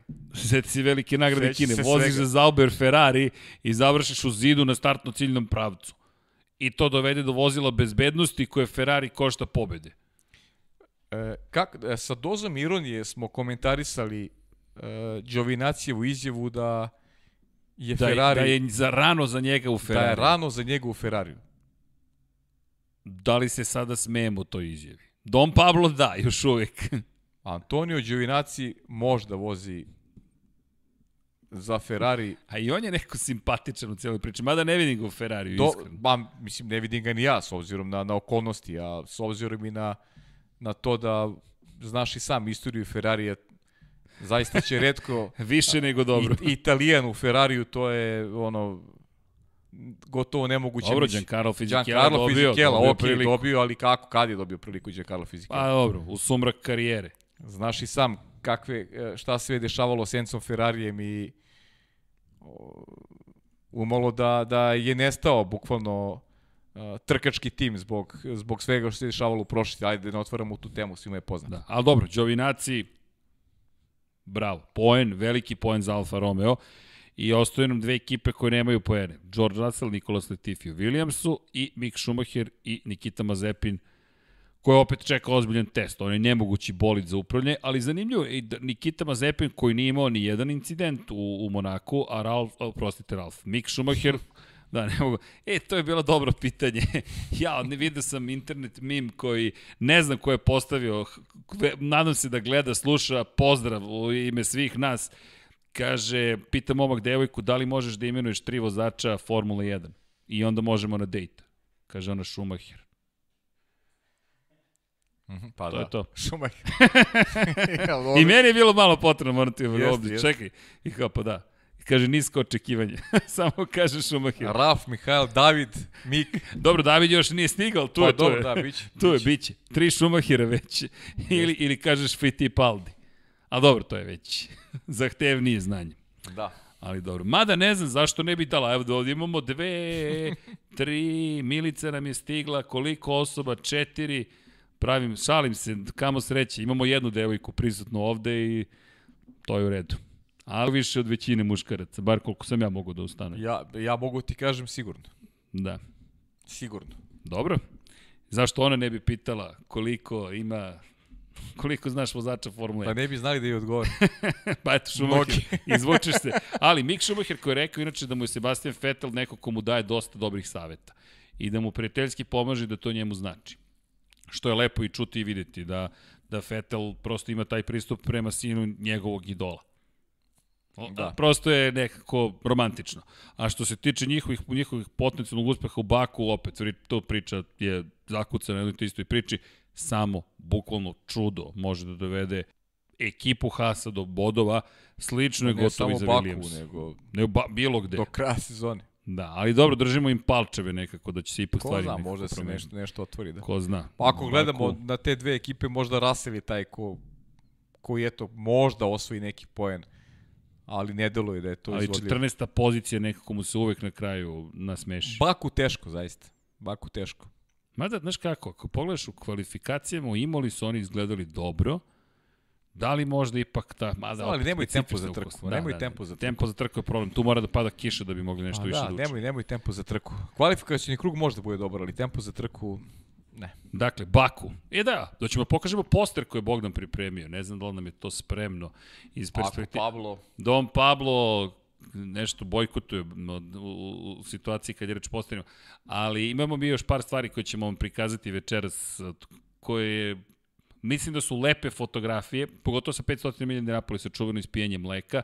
Ja od 500 milija Indianapolisa razmišljam, moram ti prijeti, kada se ona pobeda desila, prosto nekako u glavi Indy 500, Indy 500. Ne, ne, ne komentarišemo, ali bez obzira, to je trka koja se obavezno gleda. Imaš neko pitanje? jel Komentar, mogu, jel molim mogu, te. mogu da ovaj napravim digresiju. Boris Trutin. Naravno, ko bi drugi? Je li kafana u pitanju? Nije kafana, slao mi je neke poruke iz kafane pre neku noć, nije sad kafana. Kaže, stvarno ste kraljevi, pričate o raciju i emocijama, a ja pre 20 dana kupih Toyota, a ne Hondu, uz obrazloženje raciju, ne emocije. Dobar je Boris, svaka čast. Pozdrav Borise, šta drugo da kažemo. Ništa pobedio, znači ja sam pobedio. E, vidjet ćemo Borisa u kafani. to sigurno. Šta tu pobeđuje? Tu pobeđuje raciju ili emocije? Pa ne znam ja koliko sam... Počinje s racijom, završi se s emocijom. Koliko sam ja primetio, kod Borisa pobeđuju Brizle. Aha, okej. okej, Don Pablo, šta vi kažete? Je li ima šanse? Opa, Baku, Azerbejdžan Grand Prix, 6. jun, staza Baku. Rekao je Bogdan da se namučio oko ovoga. Kaže, Ali svaka čast. Šta? A da, i zato smo i ubacili fotografiju sa početka u špicu koja lepo značava i te moderne zgrade koje imaju jedan vrlo specifičan i to je znamenitost sada modernog Bakua. Mislim, Grad bio? koji se, ne, nisam. To si mi, ti si mi pričao da je, da je izuzetan grad Sjajan grad. I da ga vredi zaista posjetiti. Otišao sam bez ikakvih očekivanja, nije mi se vraćalo nazad. Zaista super grad. Lepo Topla izgleda. preporuka svima da ga posete. Hvala Bogdane. Inače, Pireko je pitao za prethodni poster. Ja za prethodni poster u Muđelu, dok sam shvatio da je čovjek stavio čašu vina kao deo vizira, trajalo je. Ja gledaju me svi zbunjeno kako, ali imate čašu vina ako niste primetili u umetničkom delu za, za veliku nagradu Italije u Muđelu. I ovako gledam i razmišljam šta mu je ovaj vizir, kako Loše čudan. stojiš sa vinom ili Ide do... prosto... pa ne, ne znam ja, ne, ja ne, ne, ti znaš da ja Da, dobro. nemam nikakvo iskustvo sa tim stvarima, tako da samo okay. voda se pije i kafa i tako da samim tim bilo mi je potrebno malo vremena dok sam shvatio. Da obradiš informaciju. Pa, zar ne, ali dobro. Opet ćemo da odemo u digresiju. A da se mi vratimo o čemu? Od vina da pređemo na mleko. I Ajmo, ne, hoćemo, e, ne, ili da pogledamo baku, stazu i ta najjaču tačku Ajde, kočenja. ajde, posjećemo na mleko. A mleko ćemo posle. Za one koji eventualno ne znaju šta se pije kada je reč o 500 milija Napolisa. Pije se mleko. Pa mleko. Pa dobro, šta bi drugo pilo? Pa, pa naravno. Je li ovo mle- mleko u te dve šolje? Nije mleko, ja. Da, Mleko ne pijem već 30 godina. zbog okoštavanja ili... Zbog želuca. Da, e, u svakom slučaju, mle- mleko. Ili ćemo da odemo na najjaču tačku kočenja. Šta? O, Don Pablo, hvala. Brembo, hardest breaking point. Ovo smo uveli i od ovoga nećemo odustati. Zašto? Zato što je tako lepo vidjeti neki dodatne detalje. Staza ulična u Baku u Azerbejdžanu, 6003 metra, dugačka 51 krug. Negativno ubrzanje temperature, vrlo snažno negativno ubrzanje visoke temperature. Najjača snažna tačka kočenja, nije ni čudno, krivina broj 1. Obratite pažnju na prilaz prosto ovih krivina. To traje i traje i traje i traje i traje i traje. Ko bi rekao da ulična staza, ko nije gledao Baku, neka ga pogleда. Za osnovni put 107 metara, 131 kg opterećenja na pedalu kočnice, negativno ubrzanje 5,5 cijela zemljine teže sa 318, bit će i više, na 125 km na čas. Preko 200 km na čas smanjuje za 200 na čas smanjuje brzina i kao što možete vidjeti 2891 kW slobodno. Impresivno. Baku, 5,5 cijela zemljine teže negativno. Zastrašujuće. Hvala Dom Pablo i hvala Brembu na ovim podacima. Hvala im još jednom na tome što imamo dozvolu da, da, da ukinemo engleski glas ili italijanski glas pa da ubacimo naš glas u celu ovu priču. Nadam se da uživate u ovim informacijama. Trudimo se zaista da prikupimo što je više moguće stvari. Virtualni pogled na stazu još nismo uspeli da iskombinujemo, ali to je jedna od stvari koju ćemo pogledati. Zašto? Da bismo baš videli sektor po sektor gde se šta događa i od koga šta očekujemo. I još jedna od stvari, ali dobro, da ne trčim pred rudu, rekao mi Deki, nemoj da najavljaš dok ne završimo nešto, tako da neću to da radim više. Deki je ozbiljni Deki, urednik. Deki je racio u stvari. Deki je je, Deki je racio. najracio. Najracio. E, nije, nije, ponese ga ponekad. Ponese A nije ga. tu možemo da ga ugovaramo. Ali tu je virtualnim putem, deki javi se u četu ako si sa nama. Elem, da se mi bacimo na 500 milija Indianapolisa, ne brinite, imaćemo i pitanje i odgovore, nadam se, za Formula 1, ali ljudi, 500 milija Indianapolisa mora da se ispoštuje. Prosto, ko voli auto motosport, ukoliko Jeste. niste do sada pratili, pogledajte 500 milija Indianapolisa. Mi govorimo o tri krune, u, u, u tri dijamanta, oprostite, u kruni auto motosporta. Velika nagrada Monaka u Formuli 1. 24 časa Le Mana i 500 milija Indianapolisa. Nekada davno 500 milija Indianapolisa je bio sastavni deo Formule 1, odavno to nije slučaj. Međutim, imate vozače koji su prelazili veliku baru, odlazili u Severnu Ameriku i beležili pobede. Beležili pobede na jednom kultnom mestu koje je toliko zahtevno da s razlogom se teško pobeđuje tamo, a mi smo ove godine dobili priliku da gledamo čoveka koji slavi četvrti put. Helio Castro Neves je apsolutni genije za mene. Zašto? Zato što, kao što si rekao, sa 46 godina ti odigraš šah sa svojim Pazi, protivnicima. prvi put kad sam gledao trku Indikara, Helio Castroneves je, je vozio. To je zaista bilo davno. Pogledaj ti te, još u ovim Ne, ne, ne, neverovatan čovjek. roze bojama. Inače, pobjeda Još- za Hondu, da Da, napomenem. još, još, još Brazilac. Znaš, ono, kad si klinac, voliš Ayrtona Senu, pa ono sve što dolazi iz Brazila na točkovima, ovaj, neko ti drago, pa sam voleo i Helio Castronevesa u Indikaru. Neverovatno, zaista. 46 godina, četvrta pobjeda. Znaš šta mi je žao? Nisam, mogo, nisam mogao da gledam, jer počela je negde trka od, od 17 sati, recimo, po srednjerovskom vremenu u nedelju. Tako da, eto, nažalost, nisam mogao da gledam samo highlights neke, ali sam se toliko obrdovao kad sam čuo ko je pobedio. Ne znam, kao da mi, kao da mi je rod neki, eto, bukvalno I, tako. I zašto? Ovo, su, ovo je savršen kadar, inače, za one koji ne znaju, ovih 90 cm cigala i zašto se ovo mesto zove Brickyard, ovo je, ovako izgledala staza, od cigala. Da, pa Brickard, Brickard i u, u Naskaru. Tako Naskaru je, 400 milja Brickyarda. Inače, ovo je posebna staza, zašto? Imate te četiri krivine, ono što bih napomenuo u celoj ovoj priči jesu prosečne brzine. Scott Dixon je bio najbrži u kvalifikacijama. Stari, dobri Scott Dixon. Scott Dixon. Prosečna, prosečna brzina na pomoć. Kaži, ajde, kaži. 372,861 km na čas. I tako voziš jedno 3 sata i kusur. Prosečna brzina u trci 306,886 km na čas. Ne, apsolutno je nepotreba bilo kakav dalji komentar. Ljudi, to je, to je festival brzine. To je prosto festival brzine. Mi, mi govorimo o nečemu što Evo, pogledajte, ovo je čuvena proslava Helija Castro Nevesa. Ovo je taj trenutak samo to, koji se pamti. 135.000 ljudi ko da. je bilo na tribinama. Dakle, to je, nije pun kapacitet. Ej, kao da možda, nije 2021. Tamo možda stane 300.000 ljudi, možda stane na, na, na e, tribinama. E da, to je bizarno, kao dozvolit ćemo samo trećinu gledališta. Da, uh, bukvalno okay. 300.000 ljudi staje na tribinama. ok, i koliko ljudi došlo, pa pogledajte znaš, tribine. E, to, mi je, to mi je jedan, jedan od, od, od snova, bukvalno. Da odemo u Napolis da gledamo, da gledamo trku trku. Pa, ali stvarno okay, to ajmo je, to da ostvarimo. To mi je taka, takva želja, znači to, to je nevjerovatno i, i tu trku prosto obožavam, zaista. Ja ovo kada pogledam, meni ovo uvek, inače Helija Castro Nevesa su zvali Spidermana, Spidermanom, zašto? Baš zbog ove scene, ovo je tipično, tipično za Helija Nevesa, da se popne ovako na ogradu i to i prvi put kada je, kada je pobedio učinio, mi moramo da se vratimo do, do 2001. godine za njegovu prvu pobedu. Jest. 2001. godine čovek vozio, inače u to vreme za Marlboro tim Penske.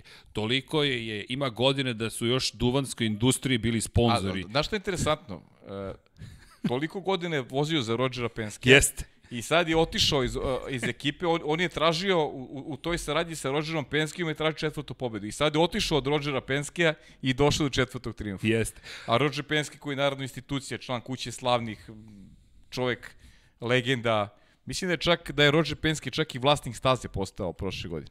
Ali, ali, ali zanimljivo je, zanimljiv je njegov nastup na 500 milijuna Indianapolisa, s obzirom na činjenicu da, kao što si rekao, u jednom momentu ostao bez tog angažmana, inače nastavio je za da vozi za Penske, kao što si rekao, ali u, u, sportkar, u šampionatu sportskih automobila da, da, da, da. i sa Kurom, inače sa Hondom, sve okej, okay, ali je, je i ovo, ali ovo je prelep prosto trenutak. Meni je fascinantno, kao što si rekao, koliko ljudi bilo na tribinama, kao da gledam neku drugu godinu, kao da Kao da očekujem da će neko da mi izbaci poruku u kojoj piše, ej, 2018. 2019. je, a ono 2021. godina.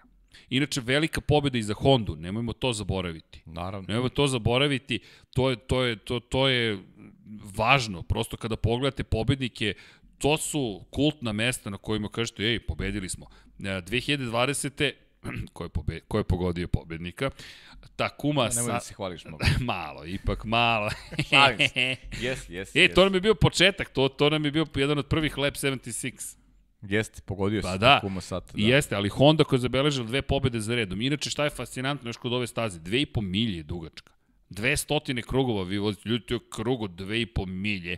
I, i, i... Pa imali ste priliku gledate, ko je pratio NASCAR na, na, na sport klubu, imali ste priliku da gledate već godinama unazad i kultno je mesto i kad je NASCAR u pitanju takođe, mada ovo ne može se meri uopšte. A do ove godine AJ Foyt, Al Anser stariji, stariji tako i je. Rick Mirs su tri čoveka koji su imali po četiri Rick pobjede. Mirs koji, koji, inače, koji inače mentor Heliju Castornevesu, to, to je interesantna priča. Dakle, Ricky Mirs je u neku ruku i pomogao Castornevesu da se izjednači sa njegovim rekordom. Ricky Mirs je velika legenda. Ali, takođe. ali fenomenalna je bila fotografija pre početka trke, gde, gde, gde, gde su do, došli pobednici i ljudi koji imaju po četiri pobedi, ti kažeš, ok, da li će se neko ovim ljudima pridružiti, da li će se pojaviti neko ko će zabeliti četvrtu pobedu, Hoće. Ne znam da li je junior Danas. pobedio nekad. Da li je junior pobedio nekad? A Lancer junior, jeste, jeste, dva puta je Dva puta pobeđivao. tako da, da. a Lancer junior, sin Ala Lancera, ista imena, ali koji je čuveno ostao i po izjavi Juanu Pablo Montoyi, kome je rekao kada se Montoya pojavio 2000. godine prvi put u Indianapolisu,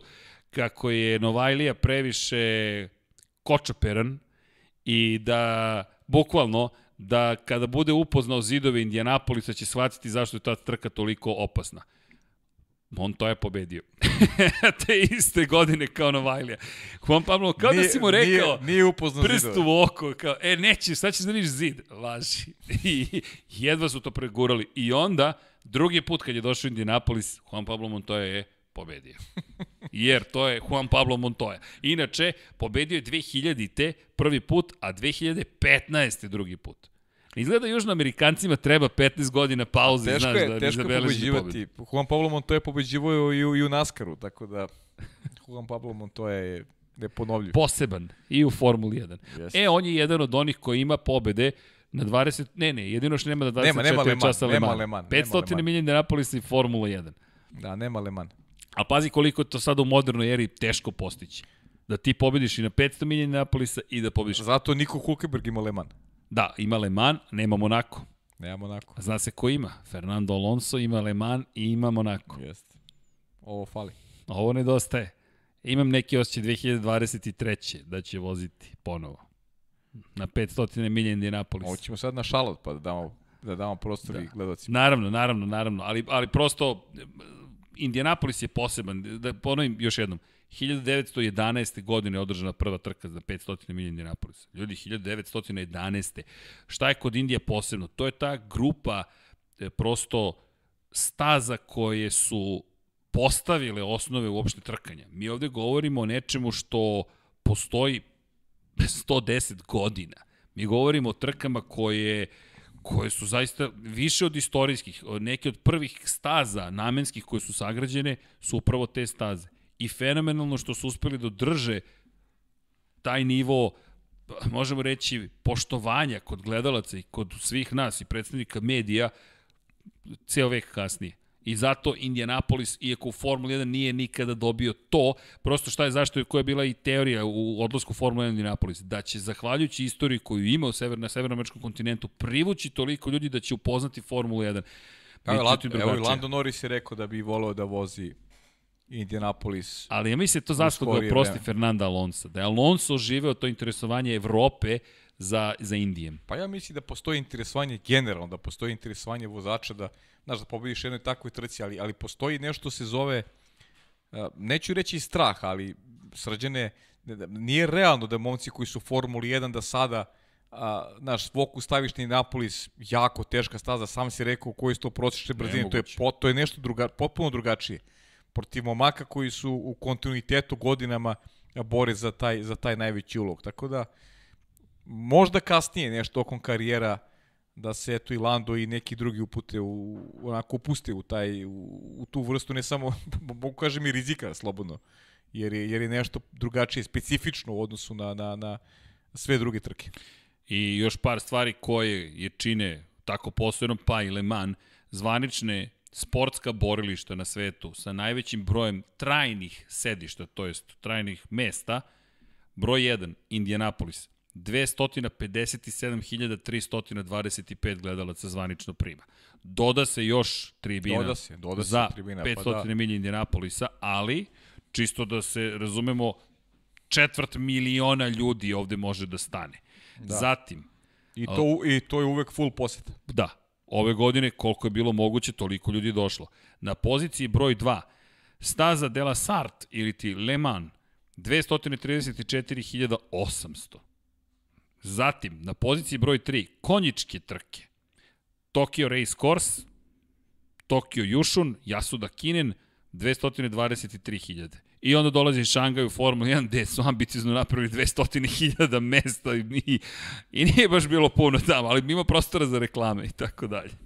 I onda dolazimo do nečega što vredi spomenuti, Charlotte Motor Speedway, koji je odmah iza Šangaja sa 167.100 potencijalnih gledalaca. I gle čudo Charlotte koji se ovog vikenda vozi u Naskaru, 600 Jeste. milja, najduža trka u sezoni i opet istorija koji ste prisustvovali, verujem i u direktnom prenosu uz našeg dragog kolegu Luku Spasovskog. Luku Spasovskog. 269. pobjeda za ekipu Rike Hendrika, čime je postao najbolji svih vremena. Ka Larson, njegova, čini mi se, deveta pobjeda u karijeri. I opet neverovatno dostigući, do, dostignuće ekipe Rike Hendrika od pet vozača na prvi pet pozicija, čak četvorice iz, Rike, iz ekipe Rike Hendrika. Samo je Kyle Busch bio na trećem mestu. A prethodne nedelje su imali prve četiri pozicije. Treća vezana pobjeda za ekipu Rike Hendrika, zaista. I, i seti se šta smo pričali sa našim dragim Božijem u podcastu, da oni imaju najtalentovaniju postavu, da, da odavno nisu imali a, takvu grupu mladih, dobrih vozača i, i evo, uspeli su da, da to ovako iskoriste na najbolji mogući način.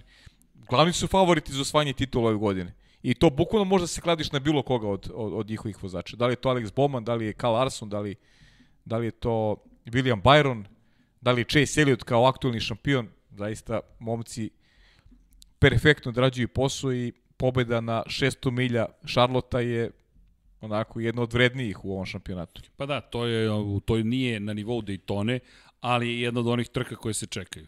Bukvalno jedna od onih trka koji se baš izdvajaju u šampionatu sveta i koji često Pa posvećaju Charlotte, mnogo Charlotte koji je sedište Naskara i samim tim je onako ima ima tu specifičnost uh, trkanja uh, koja je onako vrlo jasno, vrlo jasno izražena. Tako da I da ne zaboravimo Chevy koji je slavio. Posle niza godina u kojoj Toyota pa uspevala i Chevy, Ford. Še- Chevy koji dominira ove godine. Da, ne, gotovo ne zastavlja. Inače, mnogo brza trka. Baš je kratko u suštini trajala, ispod 4 sata A ukupno zato što je trajanje bilo trke. malo, bilo malo žutih zastava. Da, da, baš se vozilo, vozilo, vozilo, vozilo i Intenzitet, da. bilo je bilo je intenzivno. Kyle Larson. Je ovo Pa to je ono, znaš, od, od, od, oživljavanje? o- od onog, on je pričao o rasizmu, suspenzije koje je imao prošle godine, do povratka u jednu veliku ekipu kakva je Hendrik Motorsport, apsolutno je to zaslužio. Ka, pričamo sad, mislim da, da je ta izjava bila neoprezna, ali da, živimo takva vremena da, da su... Pa pazi, prvi Ta neka ne- rasistička je bila Pa, izjava, pa, koristio je mislim, to čuvenu Jeste, N-word, dakle, jeste, malo, je, upotrebio. malo je bio neoprezan i to na onim na onom i Naskaru, to smo I ti ja to je radili jedno ono vreme. Baba Da. Volasu, koji je sam rekao da Pa baba ga je branio. ne smatra Kyle Larsona rasistom, pa, Pa, prosto smatra da je, je. to jedna ružna izjava u momentu kada je zaboravio da ga svi gledaju, ali to je kada želite nekog da uvredite, povredite, ne brani Kyle Larsona, ne, ne, ne, ne, ne može to sebi da dozvoli, prosto on je javna ličnost, ali isto tako kada vas čovek kom je upućen uvreda kaže ljudi polako, to isto kao kada uđete u borilište, svašta ćete da kažete protivniku, pitanje je da li to mislite ili želite da ga Postali povredite. smo mnogo osetljivi, osjetljivi na govor, na, mislim, ceo svet je takav. Prosto tu reč nije mogao da upotrebi. Pa okej, okay, da. To, to nije mogao da upotrebi, ali isto tako šta sada? Kyle Larson je dobio novu priliku. Sponzora još uvek nema. To je veliko pitanje. Da, da, da. Sponzori ne žele i dalje da imaju bilo šta sa Kyle Larsonom. Ovo je druga pobeda ove godine. Ma, Druga pobeda ove momak je godine. sjajan vozač i mislim ti ja to pratimo godinama unazad, zaista je fantastičan, seti se i, ra, i ranije. Ima mnogo tih drugih pozicija. Ono što mu nedostaje možda taj neki taj nerv uh, šampionski, možda njemu nedostaje taj šampionski nerv, jer ima i suviše drugih mesta. Mnogo je trka izgubio u, u, u tim nekim krucijalnim momentima kada se kada se odlučivalo posljednjih 10 krugova i malo mu, malo mu fali samo pouzdanja. A mislim da ga ima još manje nakon svega što je prošao prošle godine nakon te suspenzije. Međutim, na pravom je mestu. Vozi Ali za možda- veliku ekipu i Ricky Hendrik je zaista pravi, pra, pravi čovek za, za, za Kyle Larson. Ta suspenzija možda može da mu pomogne. Zašto? To moja teorija samo. Desila se pa se desila. I to je tako. Ali da kažeš, sabereš se, kažeš, ok, ovo je još jedna prilika koju sam dobio, istovremeno uradiš pozitivne stvari. Ej, svi grešimo, ne opravdavam opet to što izjavio, ali nešto si uradio, gotovo, to je sad zapisano, zaovek ti je zapisano, to ti se nikad neće zaboraviti. Šta možeš da uradiš? Možeš da budeš bolji od onoga što si bio i da kažeš, ok, ljudi, pogrešio sam, ako već pričamo o svetu u kojem možemo da oprostimo, ajmo da kažemo, ok, da vidimo šta ćeš raditi pozitivno. Mislim da može da bude pozitivno iz milion, na, na, na milion načina. Da kaže, ok, ja ću da vodim naj, vazim najbolje što mogu, kada je reč o problemima u, u kontekstu onoga što se događa van staze, mogu da pošaljem sada neku pozitivnu poruku, mogu da pružim podršku kada bude bila potrebna, idemo dalje. A kada govorimo samo o vožnji, i dve pobede u NASCAR u jednoj sezoni.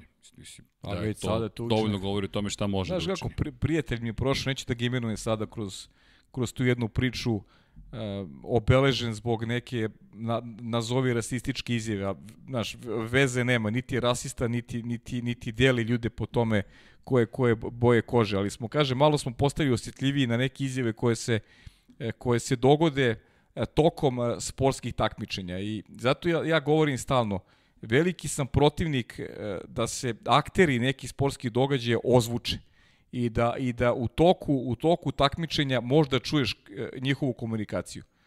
Jer ti kada kada kada se boriš za neki ulog, e, govoriš stvari koje koje ne bi rekao sigurno kada kada si u nekom onako da kažem a, izdanju izvan izvan scene jer ti voliš hoćeš da pobediš i, i u tom u toj želji da pobediš izgovoriš stvari koje koje nekad i ne misliš nego ih prosto prosto izgovoriš iz, iz želje da da ovaj negde sebe i ohrabriš da možda izbaciš neku frustraciju koju osjetiš zato kažem veliki sam protivnik da da sportisti budu ozvučeni u situacijama kada su kada su na na, na borilištu ali to je Dobro, to je, to je stav da koji zastupam koji zastupam stvari. i koji ću da zastupam kao neko ko se, ko se bavio sportom. Eto, to je to. Je to.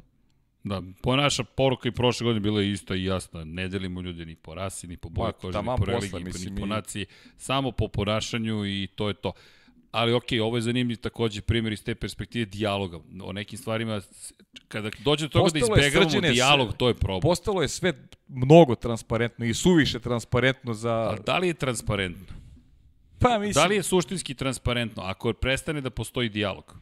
Pa Pa to ti znam, je onda ali- kvazi Pa transparentno. znam, ali, ali, ali da insistiramo na dijalogu, znaš, ti si sad u opremi sportskoj i neko to ozvuči i ti kao A sad... ne, ne pričam ja o tome, ja pričam o onome što se desi posle.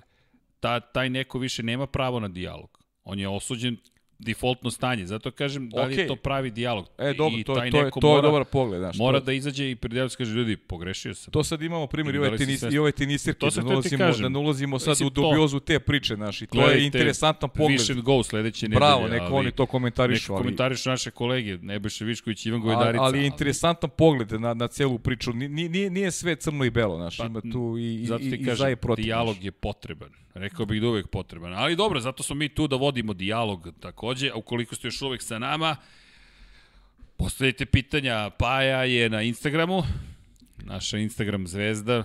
Kad smo poslednji put podelili Pajin Instagram nalog? Ja mislim da je to, Nećeš valjda to da radiš sad? a naravno da hoću. Don Pablo, ne zamerite, evo u chat ću da ubacim samo jedna stvar. Opa, Pavle Živković, vratit će se na F1. Uh, Ali Živković 28, to je bro- broj godina, znaš. sa, ne, ne, vratimo, vraćamo se na Formulu 1. Dakle, prosto smo morali da pokrijemo malo Ne, ne, dve idemo, dobro, stvari da, koje tako su koje su važne. 500 malo i neki, u neke socijalne priče, ali dobro. A dobro, i to je ideja. E, znaš kad nismo... E, čekaj, kad smo posljednji put preporučili dobru knjigu? Da, nismo odavno, da. Nismo davno. Razmisli. Ajmo dok odgovaramo na pitanja. Tu smo ljudi. Hvala za, za podršku i Da, evo vidim komentar Amira za kupovinu uh, ulaznica. Ponovit ću još jednom. Prodaju se ulaznice za različite trke. I ponavljat ću ovo neprekidno. Pročitajte uslove kupovine ulaznica. Pročitajte šta to znači ukoliko trka bude zatvorena. Dakle, ukoliko ne bude moguć ulaz ljudi, gledalaca na same tribine, može se desiti da ostanete bez novca ili da vam bude ponuđena neka alternativa u kontekstu toga da vam sledeće godine daju ulaznice ili vam nešto poklone, ali da znate niko vam ne garantuje da će trka biti održana pred publikom. To zavisi od država, to jest vlada država u kojima se održavaju trke i tek onda od, od, organizatora. Organizatori su uglavnom komercijalni, komercijalna preduzeća, sam koncept korporacije je da je ona napravljena da zarađuje pare. To je u, u, u suštini firme, zato postoje organizacije koje su neprofitne. Ovo su profitne, njima odgovara da dođe publika, ali ako država određena, to je vlada određene države kaže ne, ne pitaju se previše. Kada ćete vi moći opet na trke, na primjer MotoGP-a, pita Filip Vasiljević, pa moći ćemo, mi se nadamo, uskoro. E, postojala je mogućnost i da idemo, ali su res, toliko su restrikcije, postoji mogućnost da odemo. Međutim, restrikcije su takve da je prošle godine u Moto Grand Prix kada smo prvi put se interesovali, odlazak bi značio sledeće. Mi sedimo u medijskom centru i kroz prozor preko Zuma intervjuišemo vozače. Nikakvog smisla to za nas nije imalo. Dakle, mi ćemo sada da odemo na stazu, a onda ćemo, isto kao da smo u ovom studiju, gde je lepše, sedeti i sa nekim razgovarati preko laptopa ili tableta ili mobilnog telefona. I onda to vama prikazati kao ekskluzivu sa lica mesta. Nekako to je nama delovalo pomalo uvredljivo za sve nas koji učestvujemo u tome. Zašto? Pa zamislite da vas lažemo kako je to nešto što nikad niste ranije videli. Da, drugačije kada vi stojite sa nekim, pričate, razgovarate, popijete kafu, potpuno drugačije.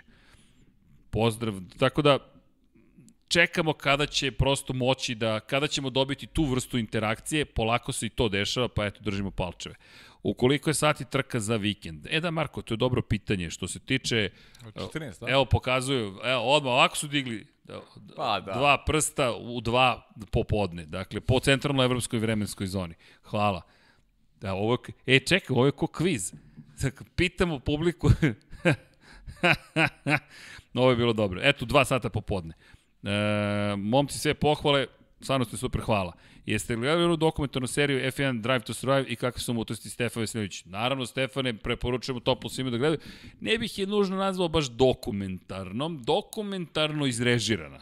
Čujte, dosta tih kadrova malo onako složeno da bude dobro. Koje gume donose u Baku? Donose u Baku C2, C3 i... Ha, ne, izvinjam se, C3, C4, C5.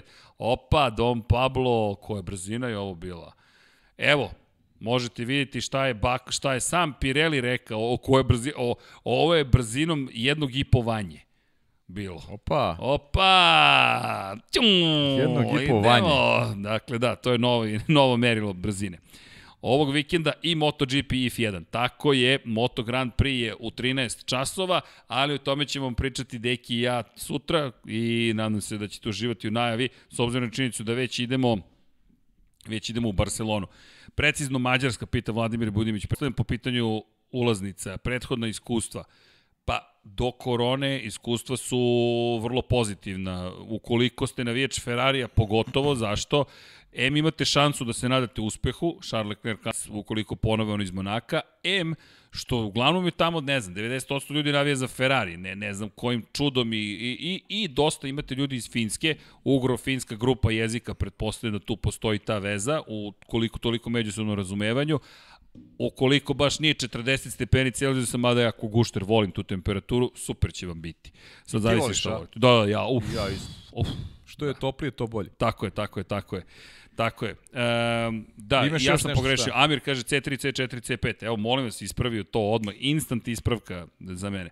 Šta mislite, da li Ferrari ima šanse da profitira nekim drugim stazama ili sve svoje šanse ovoj zoni prokocka u Monaku? Da, ima šanse. Ima, ima šanse. apsolutno šanse. Pri, pritom vidjet ćemo koji će napredak biti, ali Mađarska je već, Mađarska, bravo. već je ovako zaokružena kao vrlo interesantna. Pa bit će tu interesantni Monca sigurno. E, znate li kada će dokumentarac u MSC ne nego pravi koji je snimljen i koji će u više reći o njegovom stanju?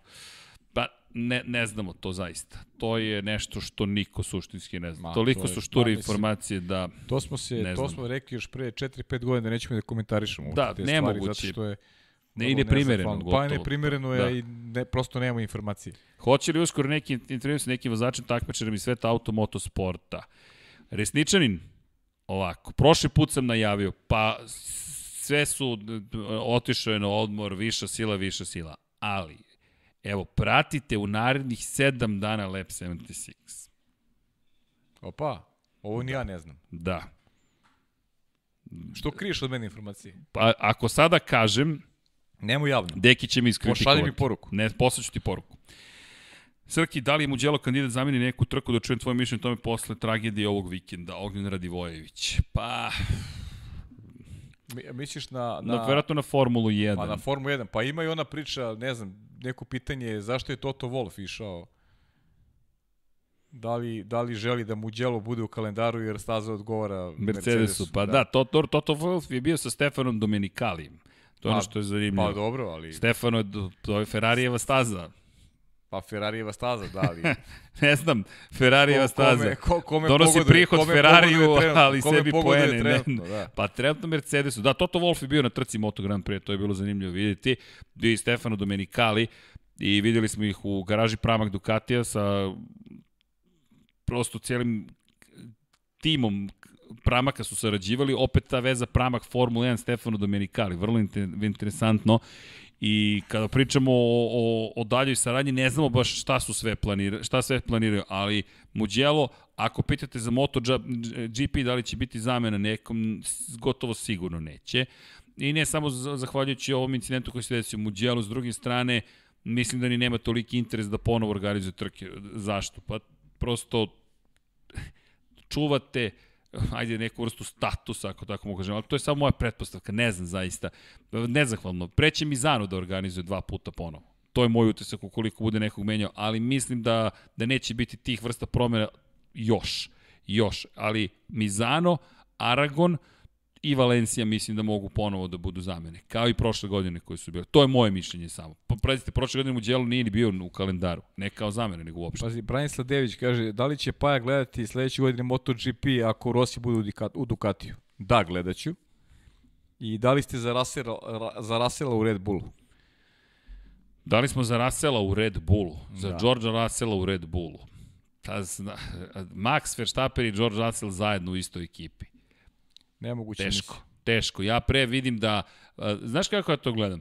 To je kao prvi posao u nekoj kompaniji koja je opuštena, na primjer, dovoljno dobra, kad dobiješ tu prvi posao, sve misliš, ma ima bolje, ima bolje, ima bolje. Onda odeš, prođeš kroz nekoliko manje ili više problematičnih kompanija i onda se javiš i kažeš sa x, y godina iskustva, uđeš u firmu koja ne vrši prevelik pritisak i kaže, ok, ti si ok, prihvatam šta god, samo nemoj da me maltretirate, manje više.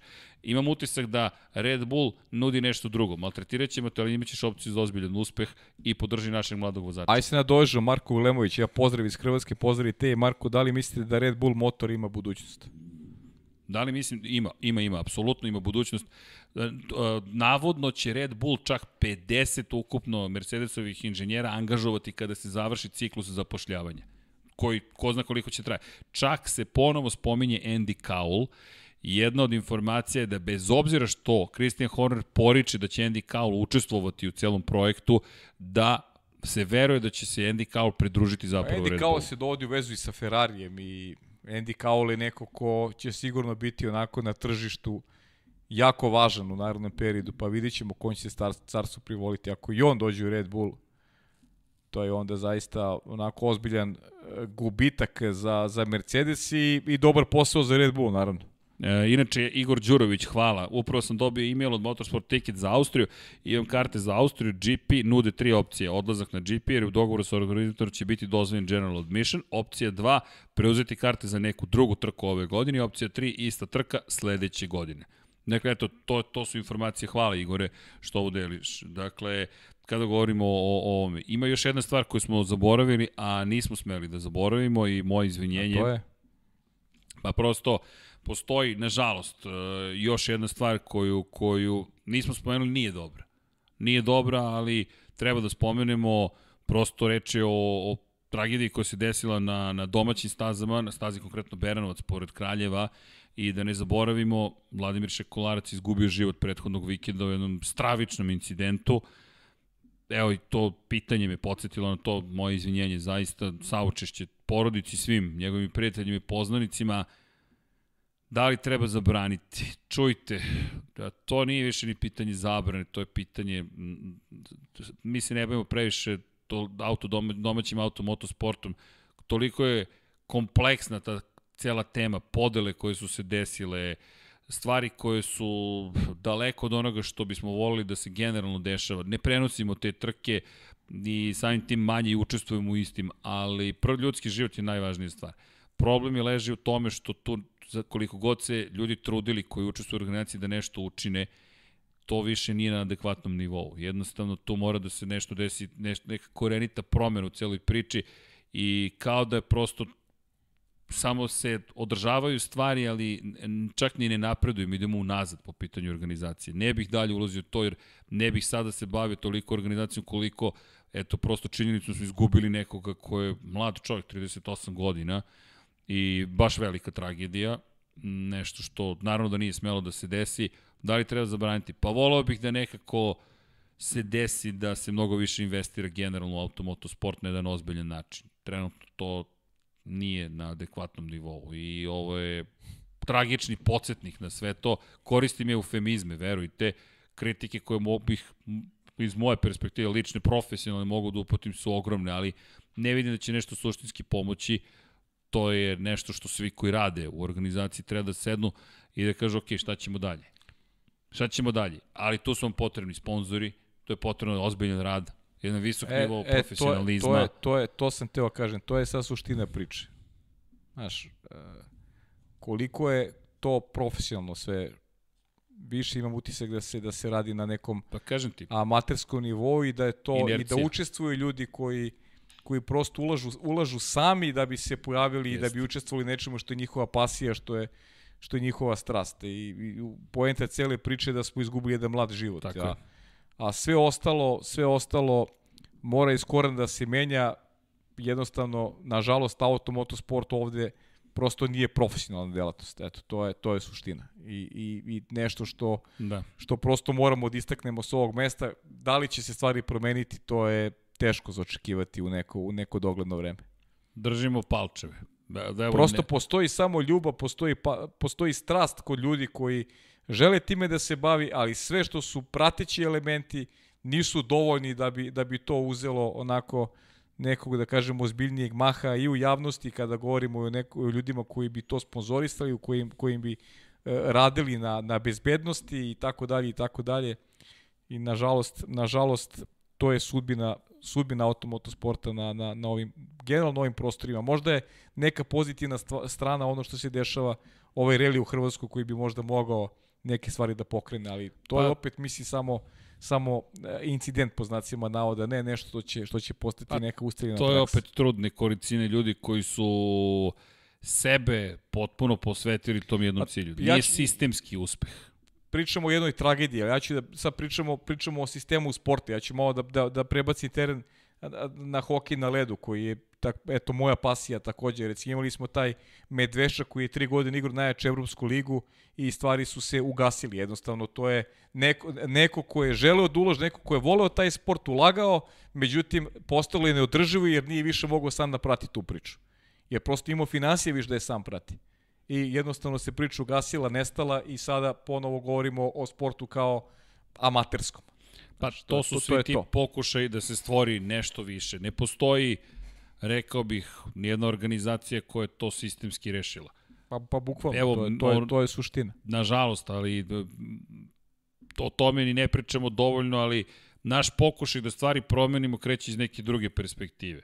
Ne ide kroz sisteme i kroz organizaciju, ide kroz zajednicu. Ide kroz ovo što mi radimo. Dakle, ovo jeste pojenta cele priče. Bukvalno formiramo Ne, ne formiramo, to zvuči kao plan, ajmo da formiramo zajednicu. Ne, naš plan je da pričamo o onome što volimo i to je automotosport i da ono što mi osjećamo podelimo sa svetom. Pa sad, ko deli tu strast, energiju, misao, želju, vrednosti, ali, ali sve se možda se prepozna tome, u tome. Sve se bazira na tome, strast, to, tome, emocije, ej, ljubav, to što voli. Odatle kreće. Ništa drugo, nešto. A onda krećem prvo ja, pa onda dolaziš ti. Šalu na stranu, da, ali, ali, moraš i racionalno a, da postaviš tako stvar. Tako je, zato što moraš. moraju neki drugi prateći elementi, a to su ono što nas okružuje, život, tako uslovi je. i tako dalje, da budu drugačije. Sad, da bi tu ljubav mogli da pretočimo u, u, u, u nešto više. Pa tako je, a e to, sad, to teško ide ovde. Mi pokušavamo da uradimo na, na, na kom nivou. Mi smo krenuli, prosto mi volimo ovo što radimo. Pričamo o ovome, o, ovo, je, ovo je naš mali pokušaj, ambiciozni, krajnje, u kom smislu? Mi smo izašli i krenuli da pričamo nečemu. To je, zahvaljujući vama, preraslo nešto mnogo više. U smislu toga da mnogo se desilo lepih stvari. Knjige, dobro, ne ovaj kačket koliko god se šalimo, ali kačkete, majice, trofeji, sve ovo što delite sa nama, to je čista strast. I ovo jeste romantičarski pogled, ali iskreno baš me briga. Ako nema romantike, ja zaista ne vidim. Ako je smisao da mi kao neka ugljenična, azotska, vodonična, kiseonička bića samo doteramo do kraja dok se ne pretvorimo u prah i pepeo, pa ne vidim neki smisao u tome. Ja, moj smisao, ja sam našao između ostalog u ovome. I delimo ga, pa je ja sa vama, kao i Deki, kao Džanki, kao i svi koji rade. I onda dođemo do vas, i to nije šala, nikome ne podilazimo, i vi kažete, ljudi, ovo je nama lepo i zabavno. I sad, odatle idemo dalje. Šta to znači? Potencijalno mini GP ekipa, ekipa u Moto trojkama. Mi se nismo šalili. Čujte, mi smo za ovih godina dana imali nenormalne neke situacije. Evo, mogu i da vam kažem. Izbacili su nas iz prvog studija. Šutnuli su nas iz prvog studija, bukvalno. To nismo delili sa vama jer, no kak, što sada vas opterećujemo time što neko došao i rekao, izađite napolje. Što? Rečenicom samo hoću da izađete odavde. Ok, izašli smo. I ne mogu nam ništa. Zašto? Zato što mi volimo ovo što radimo i nisu ni bitni. I onda smo napravili novi studio. Tri puta smo ga renovirali jer smo morali da se preselimo u roku 48 časova. Jel to treba da bude glavna tema? Ne. I sad ta priča dolazi do ovoga. Svi zajedno pokrenemo nešto, i onda kad smo svi zajedno, to onda stvari mogu da se dese. Šalješ i poruku, nećemo da se vratimo, da znate.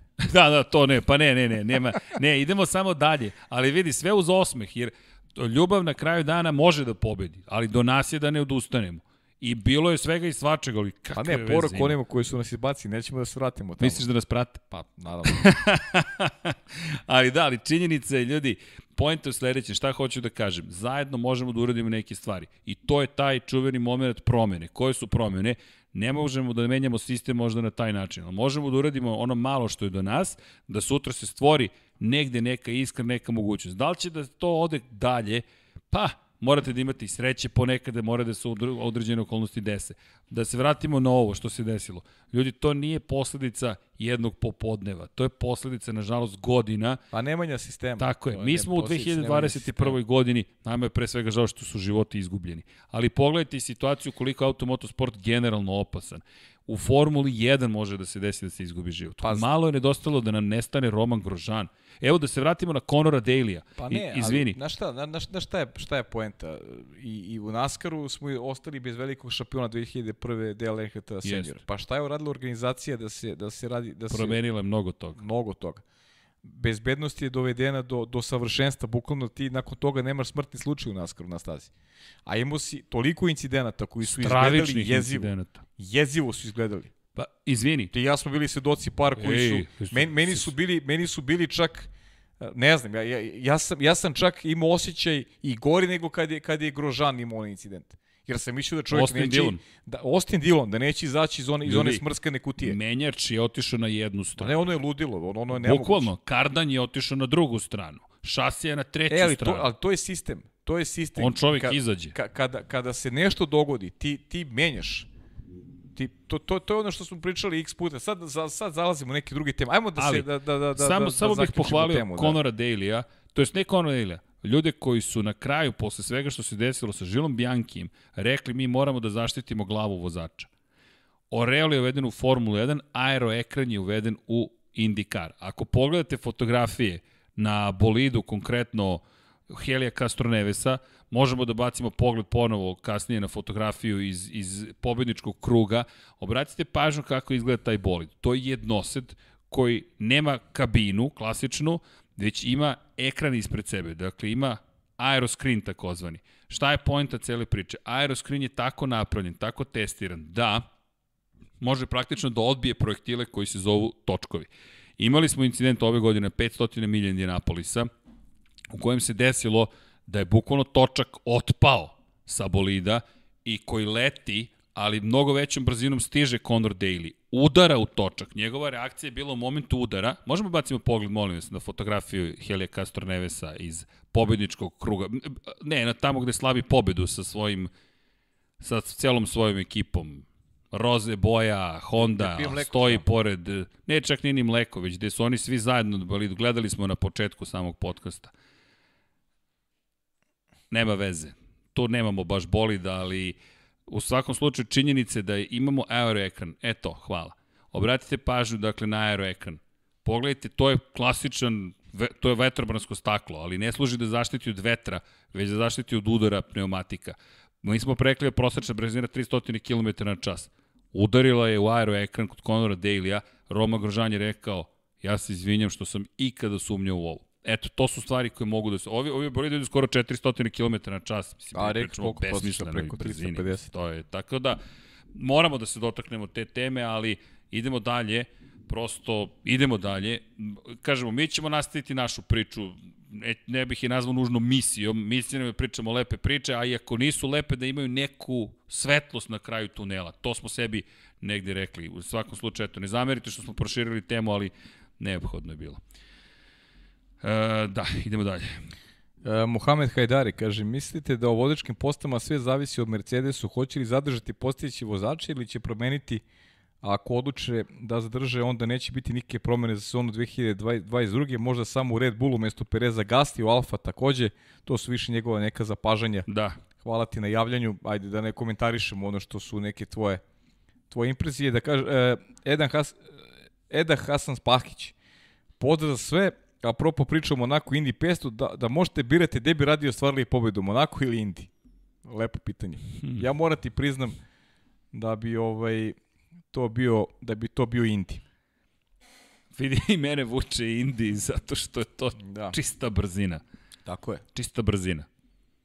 Mi smo malo više za tovatnu mast, nismo nužno za rukavice i šampanjac u Monaku. Ili se varam?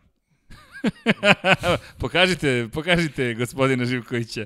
Nije mu se dopalo moje ne, ne, e, kada ja pričam sad samo o trci. Samo pričam o trci. samo o trci, Indi, okej. da, Indi. Izvinjavam se, moram se malo da pra- olakšam na prateći- atmosferu. Prateće stvari po završetku, po završetku karijere. Po završetku karijere. Kako si se učutao? A mora sam bila jače od mene. Kako crna tomatna mast, dečko, šta ti pričaš? Ne, ne, Indi, Indi. Šampanjac i jagode. Ali, ali Indi, da. Indi, trkanje, trkanje, trkanje, Indi. trkanje. Trkanje Indi. Da. Šta mislite o Ricardu u McLarenu? Ma, bit će to sve u redu, verujte, Mohamede, samo polako. Ja se slažem skroz. E, da, evo Ognjen Radvojić, da je bio aero ekran, da li bi spasao Justina Wilsona? Ne znamo. Ne znamo. Nadamo se da bi. Prosto nadamo se da bi. Kimi, reko, uh, Kimi ako se pizoniše, da li će u Alfu doći Mick Schumacher? Nije nemoguće. To je, pa to je, da, to je vrlo moguća putanja sledeće za Mika Schumachera. Liam Lawson, to je u stvari... Pa Liam Lawson da u Haas, Ne, ne, mislim, sponzorstva mislim, veze. Liam Lawson, da, da se ne ljuti Da. dečko, pošto sam ga prošli put prozvao Liam Lawson, on je, to je na, navijačka ona stranica. Hoće li biti u F1 minut čutanja? To ne znam. Ne znamo. To da, zaista ne informaciju. znamo. Nije nemoguće, ali, ali, ali zaista ne znamo. E, e, ovde je diskusija. Malezija ponovo F1, da li je moguće? Trenutno ne. Ja Kalendar je popunjen, ali Ja, ja se i nadam da ne. zašto? Pa ne Se znam, ne sviđa? Ne. U, zanimljivo. Ne. Poštovanje svima, koliko da, i da li osiguravajuće kuće utiču na razvoj F1 i bolida, prvo smo mislili na životno osiguranje, s obzirom na pristup beznosti, hvala, pozdrav. Pa nemamo te informacije, ali dobro je pitanje ovo za osiguravajuće kuće. Mm, budžeti su tu dosta, dosta jasni za, za vozače, to sad stvarno ne znam koliko je, ali može biti da su i one gurale bezbednost, da, da čujte, to je ok, sad kapitalizam plus. Hajde da se raspitamo, da, da damo konkretno, odgovor. mislim da sam sad razumeo zapravo pitanje. Dobro pitanje, Vladimir, ovo moramo da zapišemo. Đorđe Đekić, šta mislite ko će iz F2 debitovati sledeće sezone? Imali mesta za Žova? Pozdrav iz Doboja. Pozdrav i tebi, Đorđe. Ne verujem da sledeće godine ima mesta za Žova. Da. Da. Možda dve, tri godine, ali... A, a gde? Nema prosto, toliko je ugovora potpisano, da Pa gužva je. Alpina, Alpina, on je Alpinin projekat, a Ali teško, teško imaš će. Okona, imaš Alonsa. A na sve to imaš tu i Gaslija, Tako je. a imaš još I još jedno... i Teja Puršera. Bravo, Teo Puršer. Ključni faktor. I sad Guanju Zhou, a u Kini se nije vozilo prošle godine, nikad nije popunjeno tih 200.000 gledalaca. Nije, nije tako otvoreno, to tako deluje sjajno. U, kineski On je vozač dobar biće- vozač, to nije sportno, ali Jeste, da, vodi da u je otvoreno, sveta da je Formule 2. otvoreno nije. Jeste. Evo, na primjer, uh, pitanje, a, da, nismo odgovorili za Red Bull, da li ima motor budućnost. Ima budućnost. Rekli smo, možda 50 inženjera angažuje Mercedesovih. Drugo, Dieter Matešić je ljudi stao iza tog projekta. Ne bi bilo iznenađenje da Red Bull počne da prodaje svoje automobile. Ja se zaista ne bih iznenadio da to bude sledeća karika u lancu razvoja tog poslovanja. To poslo, taj biznis je ima visoke, to smo rekli, stope profitabilnosti, ali Čujte, svim biznisima, do ne, ima ne, svaki biznis ima početak i kraj. Dosta se priča o zabrani reklamiranja energetskih pića. Zašto? Pa opet priča o velikim količinama šećera, da li su dobre za zdravlje gazirane pici, da li jesu, da li nisu. Tu su ozbiljni lobi, ozbiljne industrije. Da li će se desiti? Ne znamo. I onda imate tu takozvanu diversifikaciju biznisa. Čovek voli to, a i da nije diversifikacija biznisa, može sebi to da priušti. E, Dejan Janić, dobro pitanje. Ko će na kraju imati više poena, Botas ili Čeko? Odlično pitanje. Ja mislim Botas. Da, meni deluje da će Botas na kraju ipak biti biti uspešniji u celom. Ne možda za mnogo, ali da će biti uspešniji. E, pita Nusmir Velađić, šta biste vi iz Indikara ili Naskara uvezli u Formulu 1? A, aha. Pa mislim ja, ono osnovno dolivanje goriva. Dolivanje goriva, dobro, ovde imaš tam zapis za svih strana, dobro. Da, dolivanje to, goriva to pre svega, to je nešto što bih da. obavezno vratio i to je nešto što mi je super kad gledam NASCAR to dolivanje goriva, znaš, da, da, da li ćeš imati dovoljno goriva da završiš trku. Koliko su puta gledali trku gde da je, da je ljudima otkazalo, da nemaju goriva više pa, prosto, da nemaju goriva da završi trku. Da, evo sad smo pričali po, u Monaku, u, u Monaku ta priča o gorivu. Rekli smo to ćemo da se raspitamo zašto je u gorivu bilo toliko problematično u Monaku. Pazi, tebi u Monaku je problematično gorivo. Šta vi radite sa gorivom? Ili to olakšavate bolide ili imate bogatu smešu? Šta, šta se tu događa da Monako toliko goriva potroše traje mnogo kraće nego ostale trke? E, to je vrlo zanimljivo. I sad zamisli kada, ako zaista ne sipaju pun rezervor goriva, kako bi izgledale trke da zaista to... Bravo, pa je, super odgovor. Bar se meni pa dobro. Da. E, dobili smo donaciju. To, to, je, to je pogled, znaš, to je pogled na formulu. Recimo, znaš, evo, naša gošća ovde, Andreja, koja je e, recimo zašto njoj, njoj formula super, zato što imaš tu zamenu pneumatika, ono što nemaš recimo za, na, na, na MotoGP-u, znaš, ta razlika, ti sedniš i samo se trkaš. Imaš četiri, Andreja više ima, za taktiku, ima, nije za da, trkanje. Da, imaš, ne, ne, za trka, nije za pun gas. Trka, trka u kombinaciji, trka u kombinaciji ne, ne, jeste, sa taktikom, znaš, to je... Ali vidi, to je, to je bogatstvo Formule 1 iz te perspektive. Ti ne znaš zapravo, nažalost, Pirelli u toj nemogućoj misiji došao do toga da zapravo nije nam dao gume koje smo očekivali, koje te teraju na najmanje dva stajanja. Pa da. To je ono što je problem. Najmanje dva stajanja da moraš da imaš. Jer to onda zaista čini trku Jest. veoma dramatično. Imaš onda, imaš onda i, i trku i, i, i to, to je ono što imamo u Naskaru, znaš.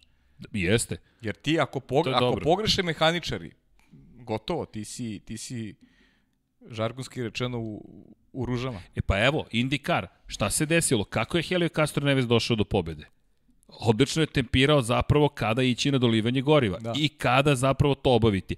I ono što je super, od 200 krugova pričaju iz njegove ekipe. Do 150. smo se pitali šta radi, u 155. Da. šta je Castro Neves radio? Malo, malo pa pusti.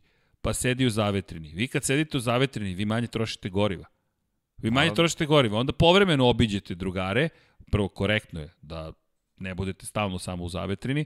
Drugo, pokažete ekipi možda, ej, nemojte ništa da brinete, uvežbate manevar, jer šta je Castro Neves učinio? Castro Neves je sa spoljne strane pretekao u krivini broj 1.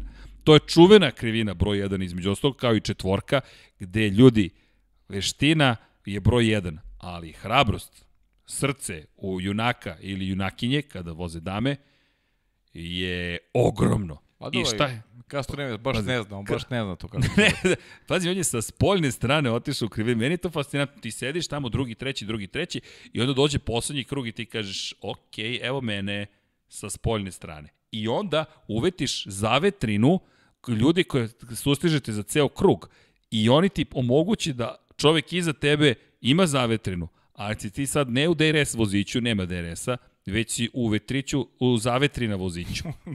Razumeš? I ti si, pazi ti taj plan. Ti voziš 300 km čas prosečno i tvoj plan je, ja ću da sedim ovde u zavetrini, vozim, vozim, vozim, vozim, vozim, to tako lako izgleda, i onda ću da napadnem tako što krenem, ali zapravo pustim blago sa spoljne strane, preteknem te, najđem na ljude koji kasne za ceo krug i iskoristim njihovu zavetrinu i tebe Pozdravi. To je ista priča, ista priča koji NASCAR. Wow. R mislim, i, ali to nam Formula 1, nadamo se, donosi sledeće godine sa promenama aerodinamike. A, nadamo se. Nadamo se. Još ovo ako bi dodali i haj. Ej, samo izvini, Luka Luka, hvala za donaciju, pet švajcarskih franaka. Opa, Može vas se slušati. Opa, živeli. Čačing!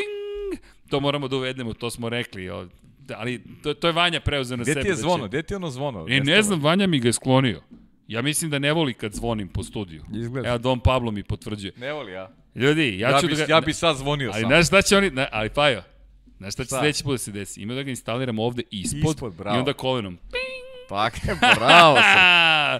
Pa čekaj, Bravo. ovde Nap, imate, Nabavić ja da imamo dva zvona. to ti kažem, e, ali mora drugačije.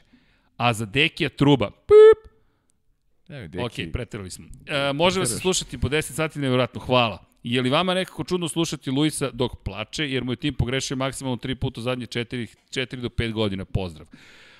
Pa, čudno jeste, Pa, E, ono što je problem, pogledajte koja se priča stvorila zato što je šampion tog kalibra bio previše agresivan. Ali, ne kažem Luisu u odbranu, no, to je tim koji nije navikao da gubi, niko ne voli da gubi i ono što se meni ni- nije dopalo, nije nužno to što je on bio nezadovoljan, nemam problem sa time, nego što je i posle trke, to ono što si ti lepo rekao prošli put, bio tako surovo kritičan prema svojoj ekipi. I svu krivicu sveo samo na svoj tim. to, ono, To mi je problem. To je ono što nadovezuje se na ono malo pređešnu moju priču. Ja sve razumem kada adrenalin radi i možda i kažeš nešto što... Tako je, u što kabini, možda ne u žel- kokpitu. Tako je. Ali kada se priča završi, izašao si iz bolida, smirio si se i dalje imaš istu priču. E, to, to nije lepo. Pa to je, to je, to je naj, pogotovo što on veliki šampion. Da, nije lepo. To je, to je nešto najblaže što mogu da kažem nije lepo. A Vidi. da, da, me, da me ne povede sada priča. Vidi, on je već sada najuspešniji svih vremena. On čovek ima sedam titula, 100 pol pozicija, 98 pobjeda. Mi pričamo o najuspešnijim svih vremena. Mihael Schumacher ima 91 pobedu i 7 titula. Već ga je prevazišao po zašto, tom pitanju. zašto, zašto sada apostrofiram često o, ovo dete Maksa, koji seti se reakcije na neosvojenu pol poziciju. Bila je onako prilično, to je, to je izgovorio u radiokomunikaciji s timom, kada je Leclerc imao incident. Jeste. Izašao iz bolida i popuno smirno dao izjavu, dakle više nije bilo nikakve priče o tom. Jeste. Znači fokus. Ok, ali Fokus. i istini za volju čekamo i da vidimo Maksa kada bude u situaciji da juri stotu možda pobedu ili osmu titulu, koliko će mu E, pa značiti dobro, ili ne. okej. Jer mislim da smo videli još jednu stvar, a to je koliko Luisu zapravo sve ovo znači. Koliko god on prošle godine govorio, ne, meni ovo ne znači. Nisam ni znao da sam, pobe, da sam poborio Dobro, rekord. Logično da znači, misli, to Ok, je... vidi. Vodiš računa o svim brojkama, o... I, izvini, Ivan Marković, hvala takođe za donaciju, 500 Koji? dinara. Igor Marković? A nije. Ivan, a Igor? A Igor bi... Igor pa se- Igor bi mogao Igor da se otvori, Igor pazi. se stisao za 500 Aj, dinara. Igor. Nema ga, Igor. ne javlja mi se večeras, Ne. nešto se dešava čovjeku. Ne, Ivan Marković, samo da vas obavestim da Ferrari uzima baku, Forca. Opa. Evo, za 500 dinara. Čačing! Ali Kaže, do... kada, ka, pa, paži, pazi Huspin Sinanović, ovo je, ovo je za tebe. Ka, kada možemo očekivati da sednete za neku konzolu i odvezete nekoliko krugova za nas u F1 2020? Okej. To je za tebe izazov više nego za mene. Ovo, ovo, ovo neka nedelje. E, ali ukucajte podkapicom.com. Redirekcija 301 šalje vas na YouTube kanal pod kapicom. Ne morate, možete ukucati i u Gledajte, malo ćemo nešto, ne, nešto, nešto Mnogo novo će da bude. Da. podcast. Nešto je novo će tu da bude. Pozdrav, da li ste se nekad međusobno takmičili u kartingu ako jeste ili nije tajna ko je bio bolji? Nismo se takmičili u kartingu Kada nikada, bismo to mogli. nikada, Stao stream, šta bi? ali Šta bi? Je sve u redu? Vratio se stream. Nije, nemojte tako, već su nas otpisali. E, ali znaš šta, Vratio šta, se mogu, šta mogu nije, da nije, se nije, pohvalim? buffering, buffering. Šta mogu da se pohvalim? Nismo ti ja takmičili. Da. Ali ja sam vozio ovaj, na stazi Carlosa Sainca. Da, čekaj da vidimo. Puče, refresh. Da li možete da organite? Čekaj da vidimo da li smo ovo živjeli stream. Smo živi? Znam koliko različitih veza optičkih ne bili smo li obezbedili drugi internet. A, a, ne, serviseri nas poznaju, veze smo vukli da nam neko pomogne sa internetom i svaki put nam obećaju sad smo uveli novi ruter, ovaj ruter je do pobede, neće nikad više. Evo gledam dok Dom Pablo menja kablove. E, Donacije za bolji stream, jao, verujte, nije čak ni pitanje para, ne, ne znam, satelitski internet da uvedemo. Ozbiljno, to je jedino što nam ostaje. Uh, da, opet puklo. Evo, sad ćemo da se oživimo, nemoj ništa da brinete. Uh, znaš kako mi je faca kad se sad puka? Tako si ostao, a? Malo, malo, malo da, malo ne. Ode stream, nije, nije, nije, tu smo, tu smo, tu smo. Smo tu, a? Samo? Nismo. malo strpljenja. Malo radi, malo, malo, samo malo strpljenja. Čekajte, ili radi sada? Ako me čujete, i to je zaista bilo lepo iskustvo.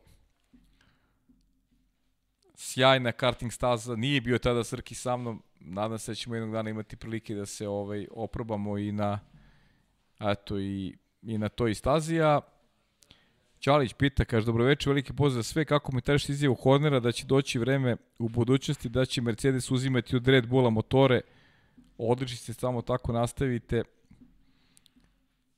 Moguće zaista da će doći to vreme, za sada, eto, je Red Bull taj koji uzima kadrove Mercedesu, Red Bull koji ima jasne planove, ciljeve za neke naredne godine i očigledno da Matišić ne bira ovaj sredstva da preuzme primat ponovo u Formuli 1 i u krajnjem slučaju da iskoristi, iskoristi potencijal jednog mladog vozača kakav je Max Verstappen koji eto, ima sve šanse da bude možda i legitimni naslednik Luisa Hamiltona. Tako da je to to. Ako me uopšte čujete, a nadam se da me čujete, mogu bi to neko da im potvrdi na, na Instagram profilu da da se čuje ovo što pričam, a da je, koliko ja čujem ovde sa strane, izgleda da je da pričam u prazno. Neće mi biti prvi put.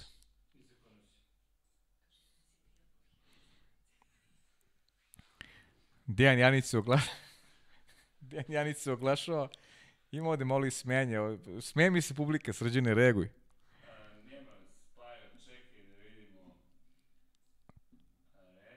Dejan Janić mi piše pukao je stream, mislim da verovatno znate. A ne, pukao je skroz. Čekaj, sekund. Ne, ne, ne. Ovo nam se prvi put dogodilo da je, da je pukao stream. Da, ali ovo se nešto isekao, bio YouTube kao da nas je upropastio. Išao ovde. Uključeno 3100-409 sviđanja. Ne možemo da se rekonektujemo, on je zatvorio stream. Ajde sad da se prebacimo na ovaj. Što ti kažeš, ajde na onaj prvi. A misliš šta sada nema? Nema no drama. No drama. Ma dobro.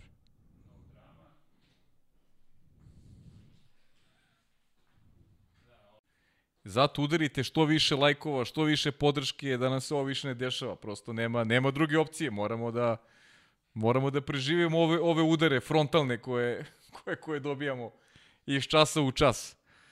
Tako da, ovaj, ništa, podržavajte nas. A ja ću sad pogledam još neka pitanja ako je moguće da, da se odgovori na, na ista. A ž, prosto budite spremni da se možda ponovo ovaj, uh, isključimo silom prilika. Samo da vidim šta se dešava ovde sa vašim pitanjima, da li postoji dalje ovaj konekcija. Dejan Janić opet ode, kaže, u live-u ste, piše sad, da li smo u live-u i nismo, zaista ne znam. Evo ga, Dejan piše, prepostavljam da, da želi da obavesti da smo u live-u. Branislav Dević kaže, internet radi kao Botasov točak. Znamo, Branislave. Da vidim šta kaže Josip Krakić. Šta mislite ako izbacite Luisa i Verstappen iz njihovih bolida, koja dva druga vozača na gridu bi se najbolje uklopila na njihova mesta? E, ovo je zaista sjajno pitanje.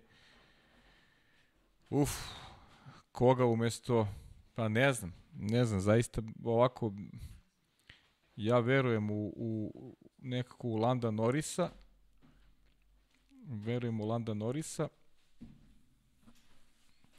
verujem ja tu još neke momke, Charles Leclerc? Možda, pa, ja ne znam, Srki, Charles Leclerc, ja znam da ti ovaj, poštuješ Charles Leclerc baš onako, ja, ja sam malo skeptičan kad je Charles u pitanju i pogotovo ta neka, neka njegova uloga vozača broj 1, neko ko treba da osvoje, ne znam, ne, ne, ne znam, i dalje sam, i dalje imam tu neku zadršku kad je Charles Leclerc u pitanju, ne znam zbog čega. Ja prvo moram te pohvalim.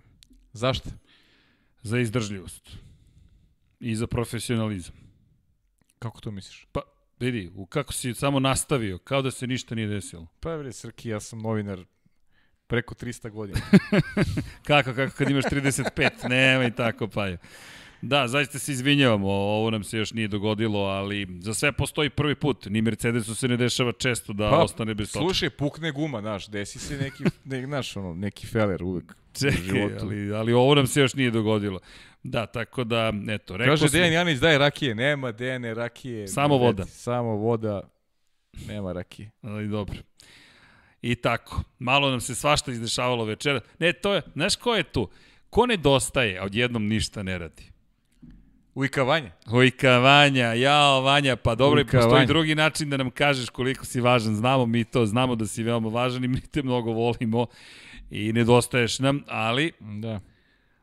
To je, ovo je, ovo je, zar ovo nije neočekivano zapravo? D- Dom Pablo koji se inače ne bavi ovim. Svaki ovo put je kada pos- sede, mi- to ti je pa, pa, vidi, ovo je, ovo je, mislim, ovo, ovo je realno, Ali ovo je, dobro, ovo je posao, šta dešava se, dešava se, šta da se radi, mislim, ono. Šta idemo- ćemo dalje? Pa ne znam, hoćemo još neka, ne znam, neka pitanja, samo se plašim da ponovo ne, ne eksplodiramo ne, ne, negde ne nekom upadnemo momentu. u sistem u kojem e, postavljate pitanja, a mi ne možemo da vam odgovorimo jer zapravo više ni nismo online. Da. Pa, bukvalno, da, evo, ja sam, trudim se da pogledam da vidim da li ima još neki pitanja. Pobegoše nam pitanja. E, ali Malo. ima 90 ljudi, ajmo da ispoštujemo. Ok, Mhm. ljudi, drugari, drugarice, ne zamerite, prosto desilo se. Ajmo da vidimo. Vanja u kadar, nemamo Vanju. Pitajte domaćine studije gde je zaštekao moju šljivu. Opa, ne znam o čemu se, ne znam uopšte o čemu je reč. Koju šljivu, ne razumem. Ne znam. Zašto se drž, F1 drži toga da oba bolida moraju biti isto ofarbana? Nusmire, ne znamo ni mi. Mnoga, mnoga od tih pravila su čudno. Da zabrane da se menjaju boje bolida.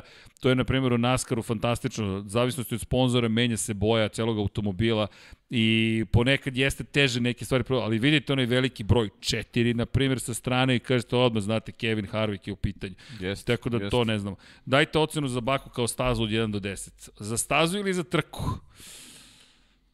Za stazu ili za trku? Staza Za, mi je Staza 6, a 6, dobro. trka, trka 8. Ja sam teo četvorku da dam Baku, ali ajde petica na, na, na uticaj, na dobro, gravitaciju čekaj, paje. Čekaj, čekaj, od, od, od, ocena do 10. Da, od 1 do 10. Pa evo, ja sam rekao 6. Dobro, petica za mene, a s druge strane, sama trka, osmica je dobra ocena. Može osmica. Os, osmica. Ferrari pravi brže automobile, McLaren pravi brze automobile. Ferrari pravi F1 motor, McLaren ne. Nikom neće jasno zašto McLaren ne može. A to je pitanje i infrastrukture i istorije. McLaren nikada nije napravio. Evo, to je sad ono što Red Bull pokušava da uradi. Da stvori svoju fabriku za motore. To je baš zahtevno, ljudi. To je ozbiljna veoma tehnologija i to će biti interesantan eksperiment. Ja verujem u Red Bull u okviru specijalizovanog razvoja motora, zahvaljujući tehnologiji koju, koju je donala Honda, pa i onda angažmanima koje sada obavljaju, ali to je baš, baš veliki skok i taj Red Bullov eksperiment zato će biti interesantan. Okon umesto Botasa, Đorđe Šarac, kaže. Pa dobro, nije, mislim, Nije loše. kad gledamo iz, iz uh, ugla toga da je da je Toto Wolff menadžer jednom i drugome, to nije nemoguća misija sad. Ma ja ne mislim da će Bottas da ode, dok god je Hamilton tu, mislim da je to nekako, su mi, onako spojivi su mi, to je to. Je to. Lewis Hamilton uh, ima super saradnju sa njim. Gde ćeš boljeg drugog vozača od Valterije Bottas? Pa za sada nema potrebe to menjati. Dokle god Bottas želi da obavlja ovo što obavlja, sve je okej. Okay. Bukvalno sve je okej. Okay. I s te perspektive ne vidim, a i pitanje je da li bi Okon odgovaralo da bude drugi vozač pored Luisa Hamiltona. Ako ti imaš obavezu da Pa jedino, radiš jedino u perspektivi da postaneš prvi kasnije, ja mislim da ne, nisam siguran da je, da je on baš taj kalibar koji bi, koga bi Mercedes izabrao da nakon penzionisanja Luisa Hamiltona on bude taj koji će dobiti šansu se bori za titulu, ali opet to je samo stvar stvar onako neki lični stav u stvari. Da. Inače, izvini, dobili smo pitanje za Filipa Jenića. Šta mislimo? Pa, od, Pa mi, čekaj, imamo neki, imamo i neki, imamo Pa da, ideju polako, i da, pa- da, o tom da, potom, da. da, realizujemo Da, taj... Jeste, želimo da vidimo dolazak, Filipa u studiju, pa da se ispričamo sa njim, ali uh, imamo očekivanja. Verujemo u tog momka, prosto najviše će biti Filip da sve to, nadamo se, ispriča, ali činjenica je da je vozio prethodnog vikenda, bilo je, mi smo mu čestitali, Dom Pablo je bio taj koji je čestitao na, na, na, rezultatu, rekao je da napravio jednu grešku, pogotovo u prvoj trci koja ga je koštala pete pozicije, pa pao na devetu poziciju, ali Filip Janić ljudi gradi jednu karijeru njeno Vajlija i polako li sigurno napreduju uče, otvorila su se neka vrata koja nije nužno bilo očekivano da će se otvoriti, tako da mi pre svega držimo palčevi, eto, nadamo se da će biti da će to biti kako treba. E, Botas nije bio kriv mehaničar, su napravili medveđu uslugu, šteta, pa da. Predložite nam neku knjigu. predlog knjige. Auf, ja ću, aj iz glave, onaj e, stara, e, Uelbek, elementarne čestice. Elementarne čestice, okej. Okay. Da. Šta sam, šta je bilo, ja, ne, jedna od starijih knjiga, neko mi je spominjao, sad sam zaboravio šta sam hteo, imao sam neku ideju šta da... Pa ja inače preporučujem Uelbeka, ali eto jedno, jedno njegovo staro štivo. Mislim da sam većinu ovih knjiga koje mi padaju na pamet već nešto sam u Orvelovoj fazi ponovo. Tako Opa. da, već, spominjao sam životinsku farmu, ako niste pročitali, obavezno pročitajte pročitajte životinsku farmu, topla preporuka, univerzalno štivo. Pa i one ko, ko nije, eto, eto, recimo još jedno staro štivo, ko nije čitao recimo Ulixa od Joyce-a da obavezno pročita, eto, to Da. je zahteva malo onako više pažnje i i vremena možda, ali eto. Da, pa ajde, kad već spominjem, kada spominjemo Orvela, pa eto, topla preporuka, niko i ništa u Parizu i Londonu. Lepo. To je isto jedna važna knjiga. Nešto smo u ozbiljnim temama, pa jo, čekaj, opet će nas isići, nemoj tako, ostanimo mi Da. u ovim lepim stvarima. Skromni doprinos za boljeg internet servis provajder, provajdera od Resničanina. Hvala, 250 dinara. To je za spas, hvala. Sjajno. Ok, ja mislim da je e, da je, hoćemo da se polako pozdravljamo ili ne. Pa ja se plašim samo Znate šta, malo, malo ali- smo sad u, u strahu od toga šta će se desiti. A znaš šta još, navikli smo ljudi da ipak ove najave, da najave na malo kraće traju od, od analize trke, tako da utorak Jeste. malo, malo više, malo više pažnje raznim pitanjima. Jeste. Inače, ovde je pitanje šta mislim o tome da polidi postoje još teži sledeće godine, ćete možete pohvaliti ono što, ono što će aerodinamika popraviti. Pa, mm, moguće iz perspektive krugova, ali ono što je nama najvažnije sada da se desi, jeste da dođemo do toga da bolidi koji se nalaze iza bolida mogu lakše da ostanu u zavetrini, mogu lakše da prate, pogotovo kroz krivine. To je zapravo suština svih promjera koje dolaze. Da se aerodinamika tako promeni da mi ne dođemo u situaciju koju gledamo već decenijama, a to je da imate bolid koji dve sekunde po krugu brži, kako se približi bolidu ispred jednostavno, pregrevanje guma, pregrevanje kočnica, e, takav vazani prljav vazduh koji potpuno uništava aerodinamiku prednjih krila, dođemo do toga da mi ne, da imate čoveka koji dve sekunde ima prednosti po krugu, ne može nikoga da pretekne. To je to je gotovo bizarno. Vi u potpunosti možete da primenite taktiku u kojoj je samo bitno da odradite kvalifikacije. Zamislite trke u kojima vi čak i bez DRS-a morate da se plašite onoga koji je iza vas. Jer Jeste. znate da čim vam se dovoljno približe može da vas napadne. E to sad onda menja i način trkanja, način odbrane pozicije, Jeste. način na koji pristup. Jer vratimo se na Senu i 1992. godinu u Monaku. Da, tamo možeš da se braniš protiv Williamsa u mnogo slabijem McLarenu, ali to je vozačko umeće. Ti si sveo jedan svemoćni bolid jednog čoveka koji ima nove gume i moćan je vozač Nigela Mansella na to da ne može da te pretekne nigde. Nem, iako je on ima prednost svugde praktično, e to ono što ćemo sada možda imati prilike da vidimo i kakav ti je odgovor kada te neko pretekne. Kako onda ti upravljaš svojim pneumaticima, kako onda planiraš trke, jer Samo zamislite u Barceloni, na primjer, da vi imate situaciju u kojoj ako promenite gume u određenom trenutku, vi možete da preteknete svakoga. A vi znate da ne možete da prete, promenite gume jer ne možete da preteknete nikoga. Čak i kada ste brži 2 do 3 sekunde po krugu. E to je suština promena. Manje i više sama težina bolida. Tako da mislim da, da to treba da sačekamo. Tako da, da, da nije, nije do, do težine koliko je do onoga što zapravo jeste prava stvar, a to je da li ćemo imati uzbudljive trke i direktne duele. Eto. A uvek je to suština. Ljudi, da pokušamo da zatvorimo, imamo četiri videa koje su na, na, na kanalu večeras. Dakle, potpuni bizar ni moment se desio. Kako ćemo ovo da sklopimo u jedan A podcast? najjači smo, mi imamo četiri. Tako je, tako je.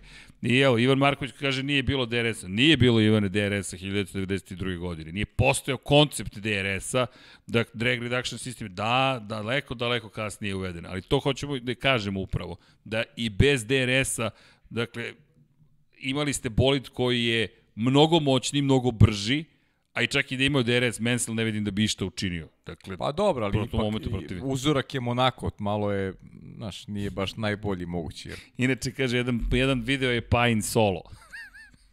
Aha. Tako nas je isticko Va- va- nešto YouTube. One man show. Man Man Show, tako je. Da, tako ne je. znam ni šta sam pričao, boje, izbacite taj video ili vi nišite. Jao, da, ne, ne, ne, da, ne znam. Da, inače, 173 ljudi se vratilo u stream. Ja, da, evo Ivica Inković, kaže, imate 200 ljudi live još malo. Hvala vam, šta drugo da vam kažemo? Zaista hvala. Da, svaki put tek takve stvari nas ganu, zaista, makar jest, mene, jest. ali govori mi imamo bojice i žao nam je što je malo tako pokvaren večerašnji ugođaj, ali Biće, biće to bolje. bolje. Biće, viš, biće to bolje. Biće bolje. Biće bolje. Ne, od sledećeg, od sledećeg Uvodimo puta pevanje. Uvodimo reklamiramo pevanje. našeg internet servis provajdera. Ponavljat ćemo ko nas snabdeva internetom. Aha, aha, dobro, to, to, Možda nije, tako. to nije loše uopšte. Da, da ga inspirišemo da bude bolje. Da Pite, bude bolje. Kaže, ko svira gitaru? Pa ja ponekad pokušavam da sviram gitaru. Da. To davno nismo uradili. Srki svira gitaru, da. Da, kada je sutra podcast 21.00. Srki svaki dan si sve lavi. Hvala ti, Vule. Ne znam kako da ti se zahvalim na ovoj izjavi, ali i to je aerodinamika. Nije to, nije on ćela. To je, to, to, aero... je, tak, to je taka frizura. to je ta sportska Adidas frizura. E, da, hvala Vule, hvala, hvala. Mo, mo, Dom Pablo udri sad četvorku od ozgo da se lepo vidi pista za poletanje, ali to je sve u redu. Da, i tako. Do, malo se šalimo šta. Pa i treba da se šalimo. Sve, je. sve, to, sve je to u redu. Kaže kad će podcast sa Vanjom? Može Vanja da nam uskoči ovde i to je to. Samo dozrej. Dobro, šta samo dozri. Ok, ne, neko je postavio pitanje, samo da vidim. Da, Ajde. predikcije za pobedničko postolje. Šta? P predikcije za pobedničko Aha. postolje. Uh, ajde, prošli put smo bili dobri. Ajmo. Botasa smo već prognozirali Botasa za pobedu. jesmo, da. Botas.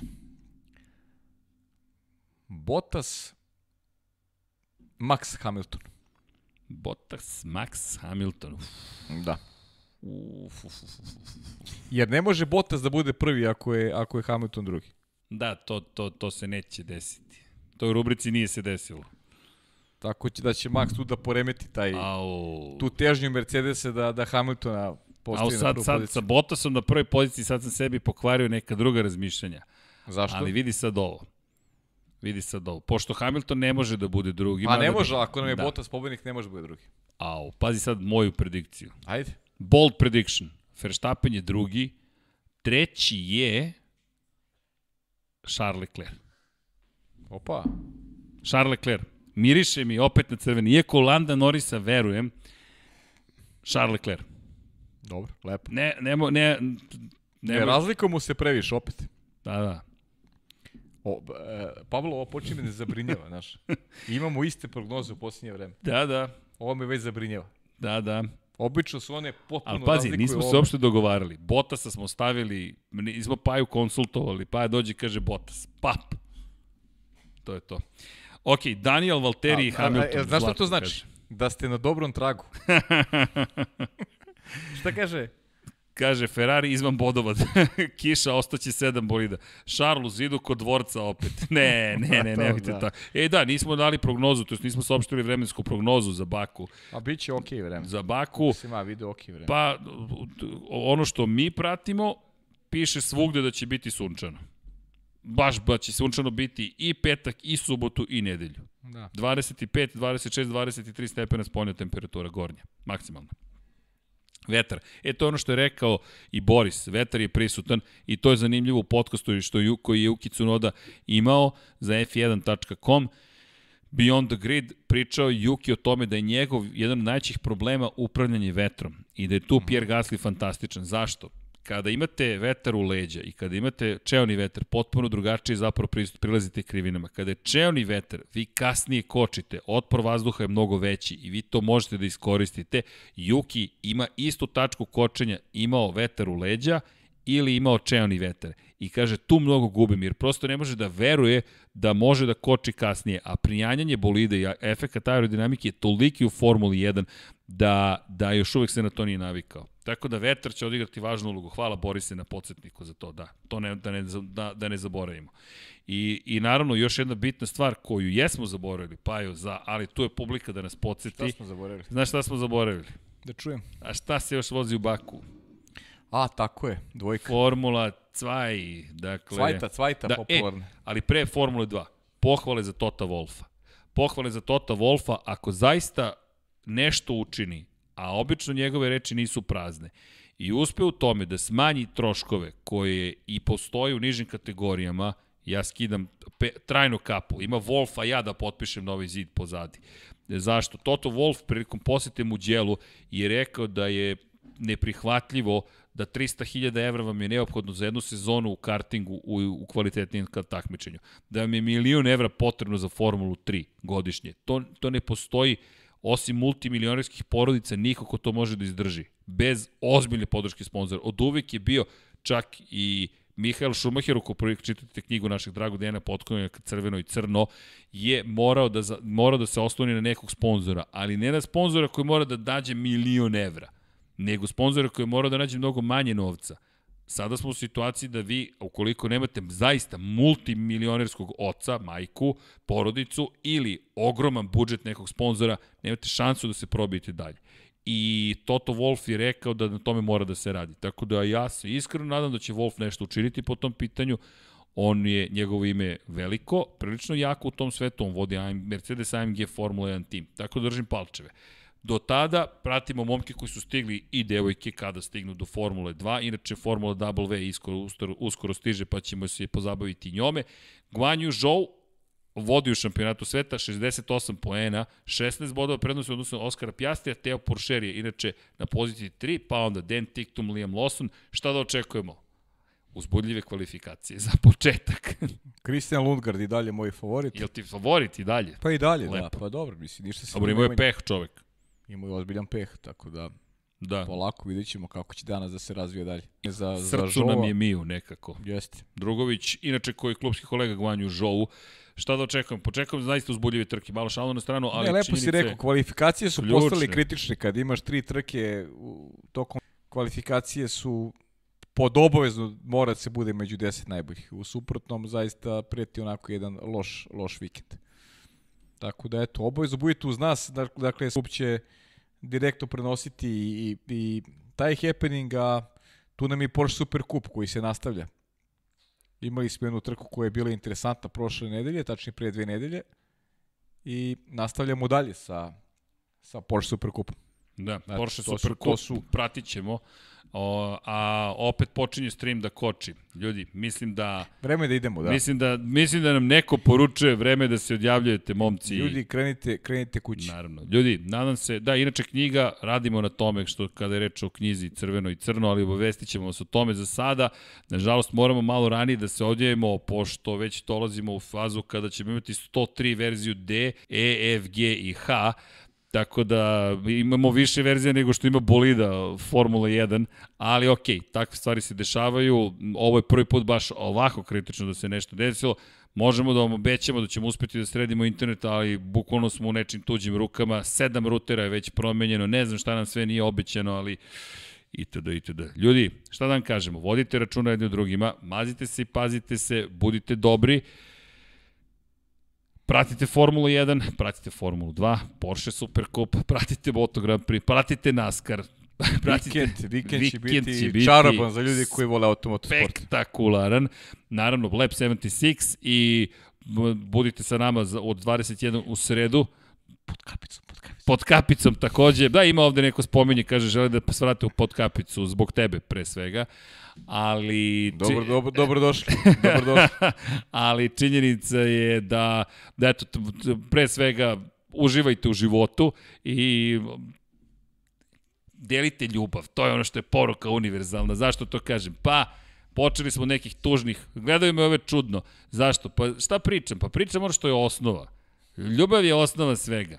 Dakle, evo. Srki, podrža. A, vrati, podrža. Mili. Ne, nego ćemo da pričamo o parama. Zaradite ne, više para do sledećeg Lab 76. Ako ne umeš, Dajte, ako volite ne umeš da voliš, svega. zašto tako živiš je, Tako je, mi smo imali jedan Bravo, težak Srki. vikend iza nas. Podrška, podrška ali poenta jeste u životu i u ljubavi i, i, i ostajem pri toj poruci i bez obzira što ovde neki nisu toliko romantični, preokrenut ćemo ih mi na pravu stranu, nemojte ništa da brinete, ali kažemo, zaista, vodite računa da drugim mazite, pazite, 928 na 30-30 za Luku i ne samo za Luku, gde god da živite, nešto možemo lepo danas da učinimo i, i da nam nekako bude lepši dan, a do vikenda, naravno kad krene vikend, onda se trkamo svi zajedno.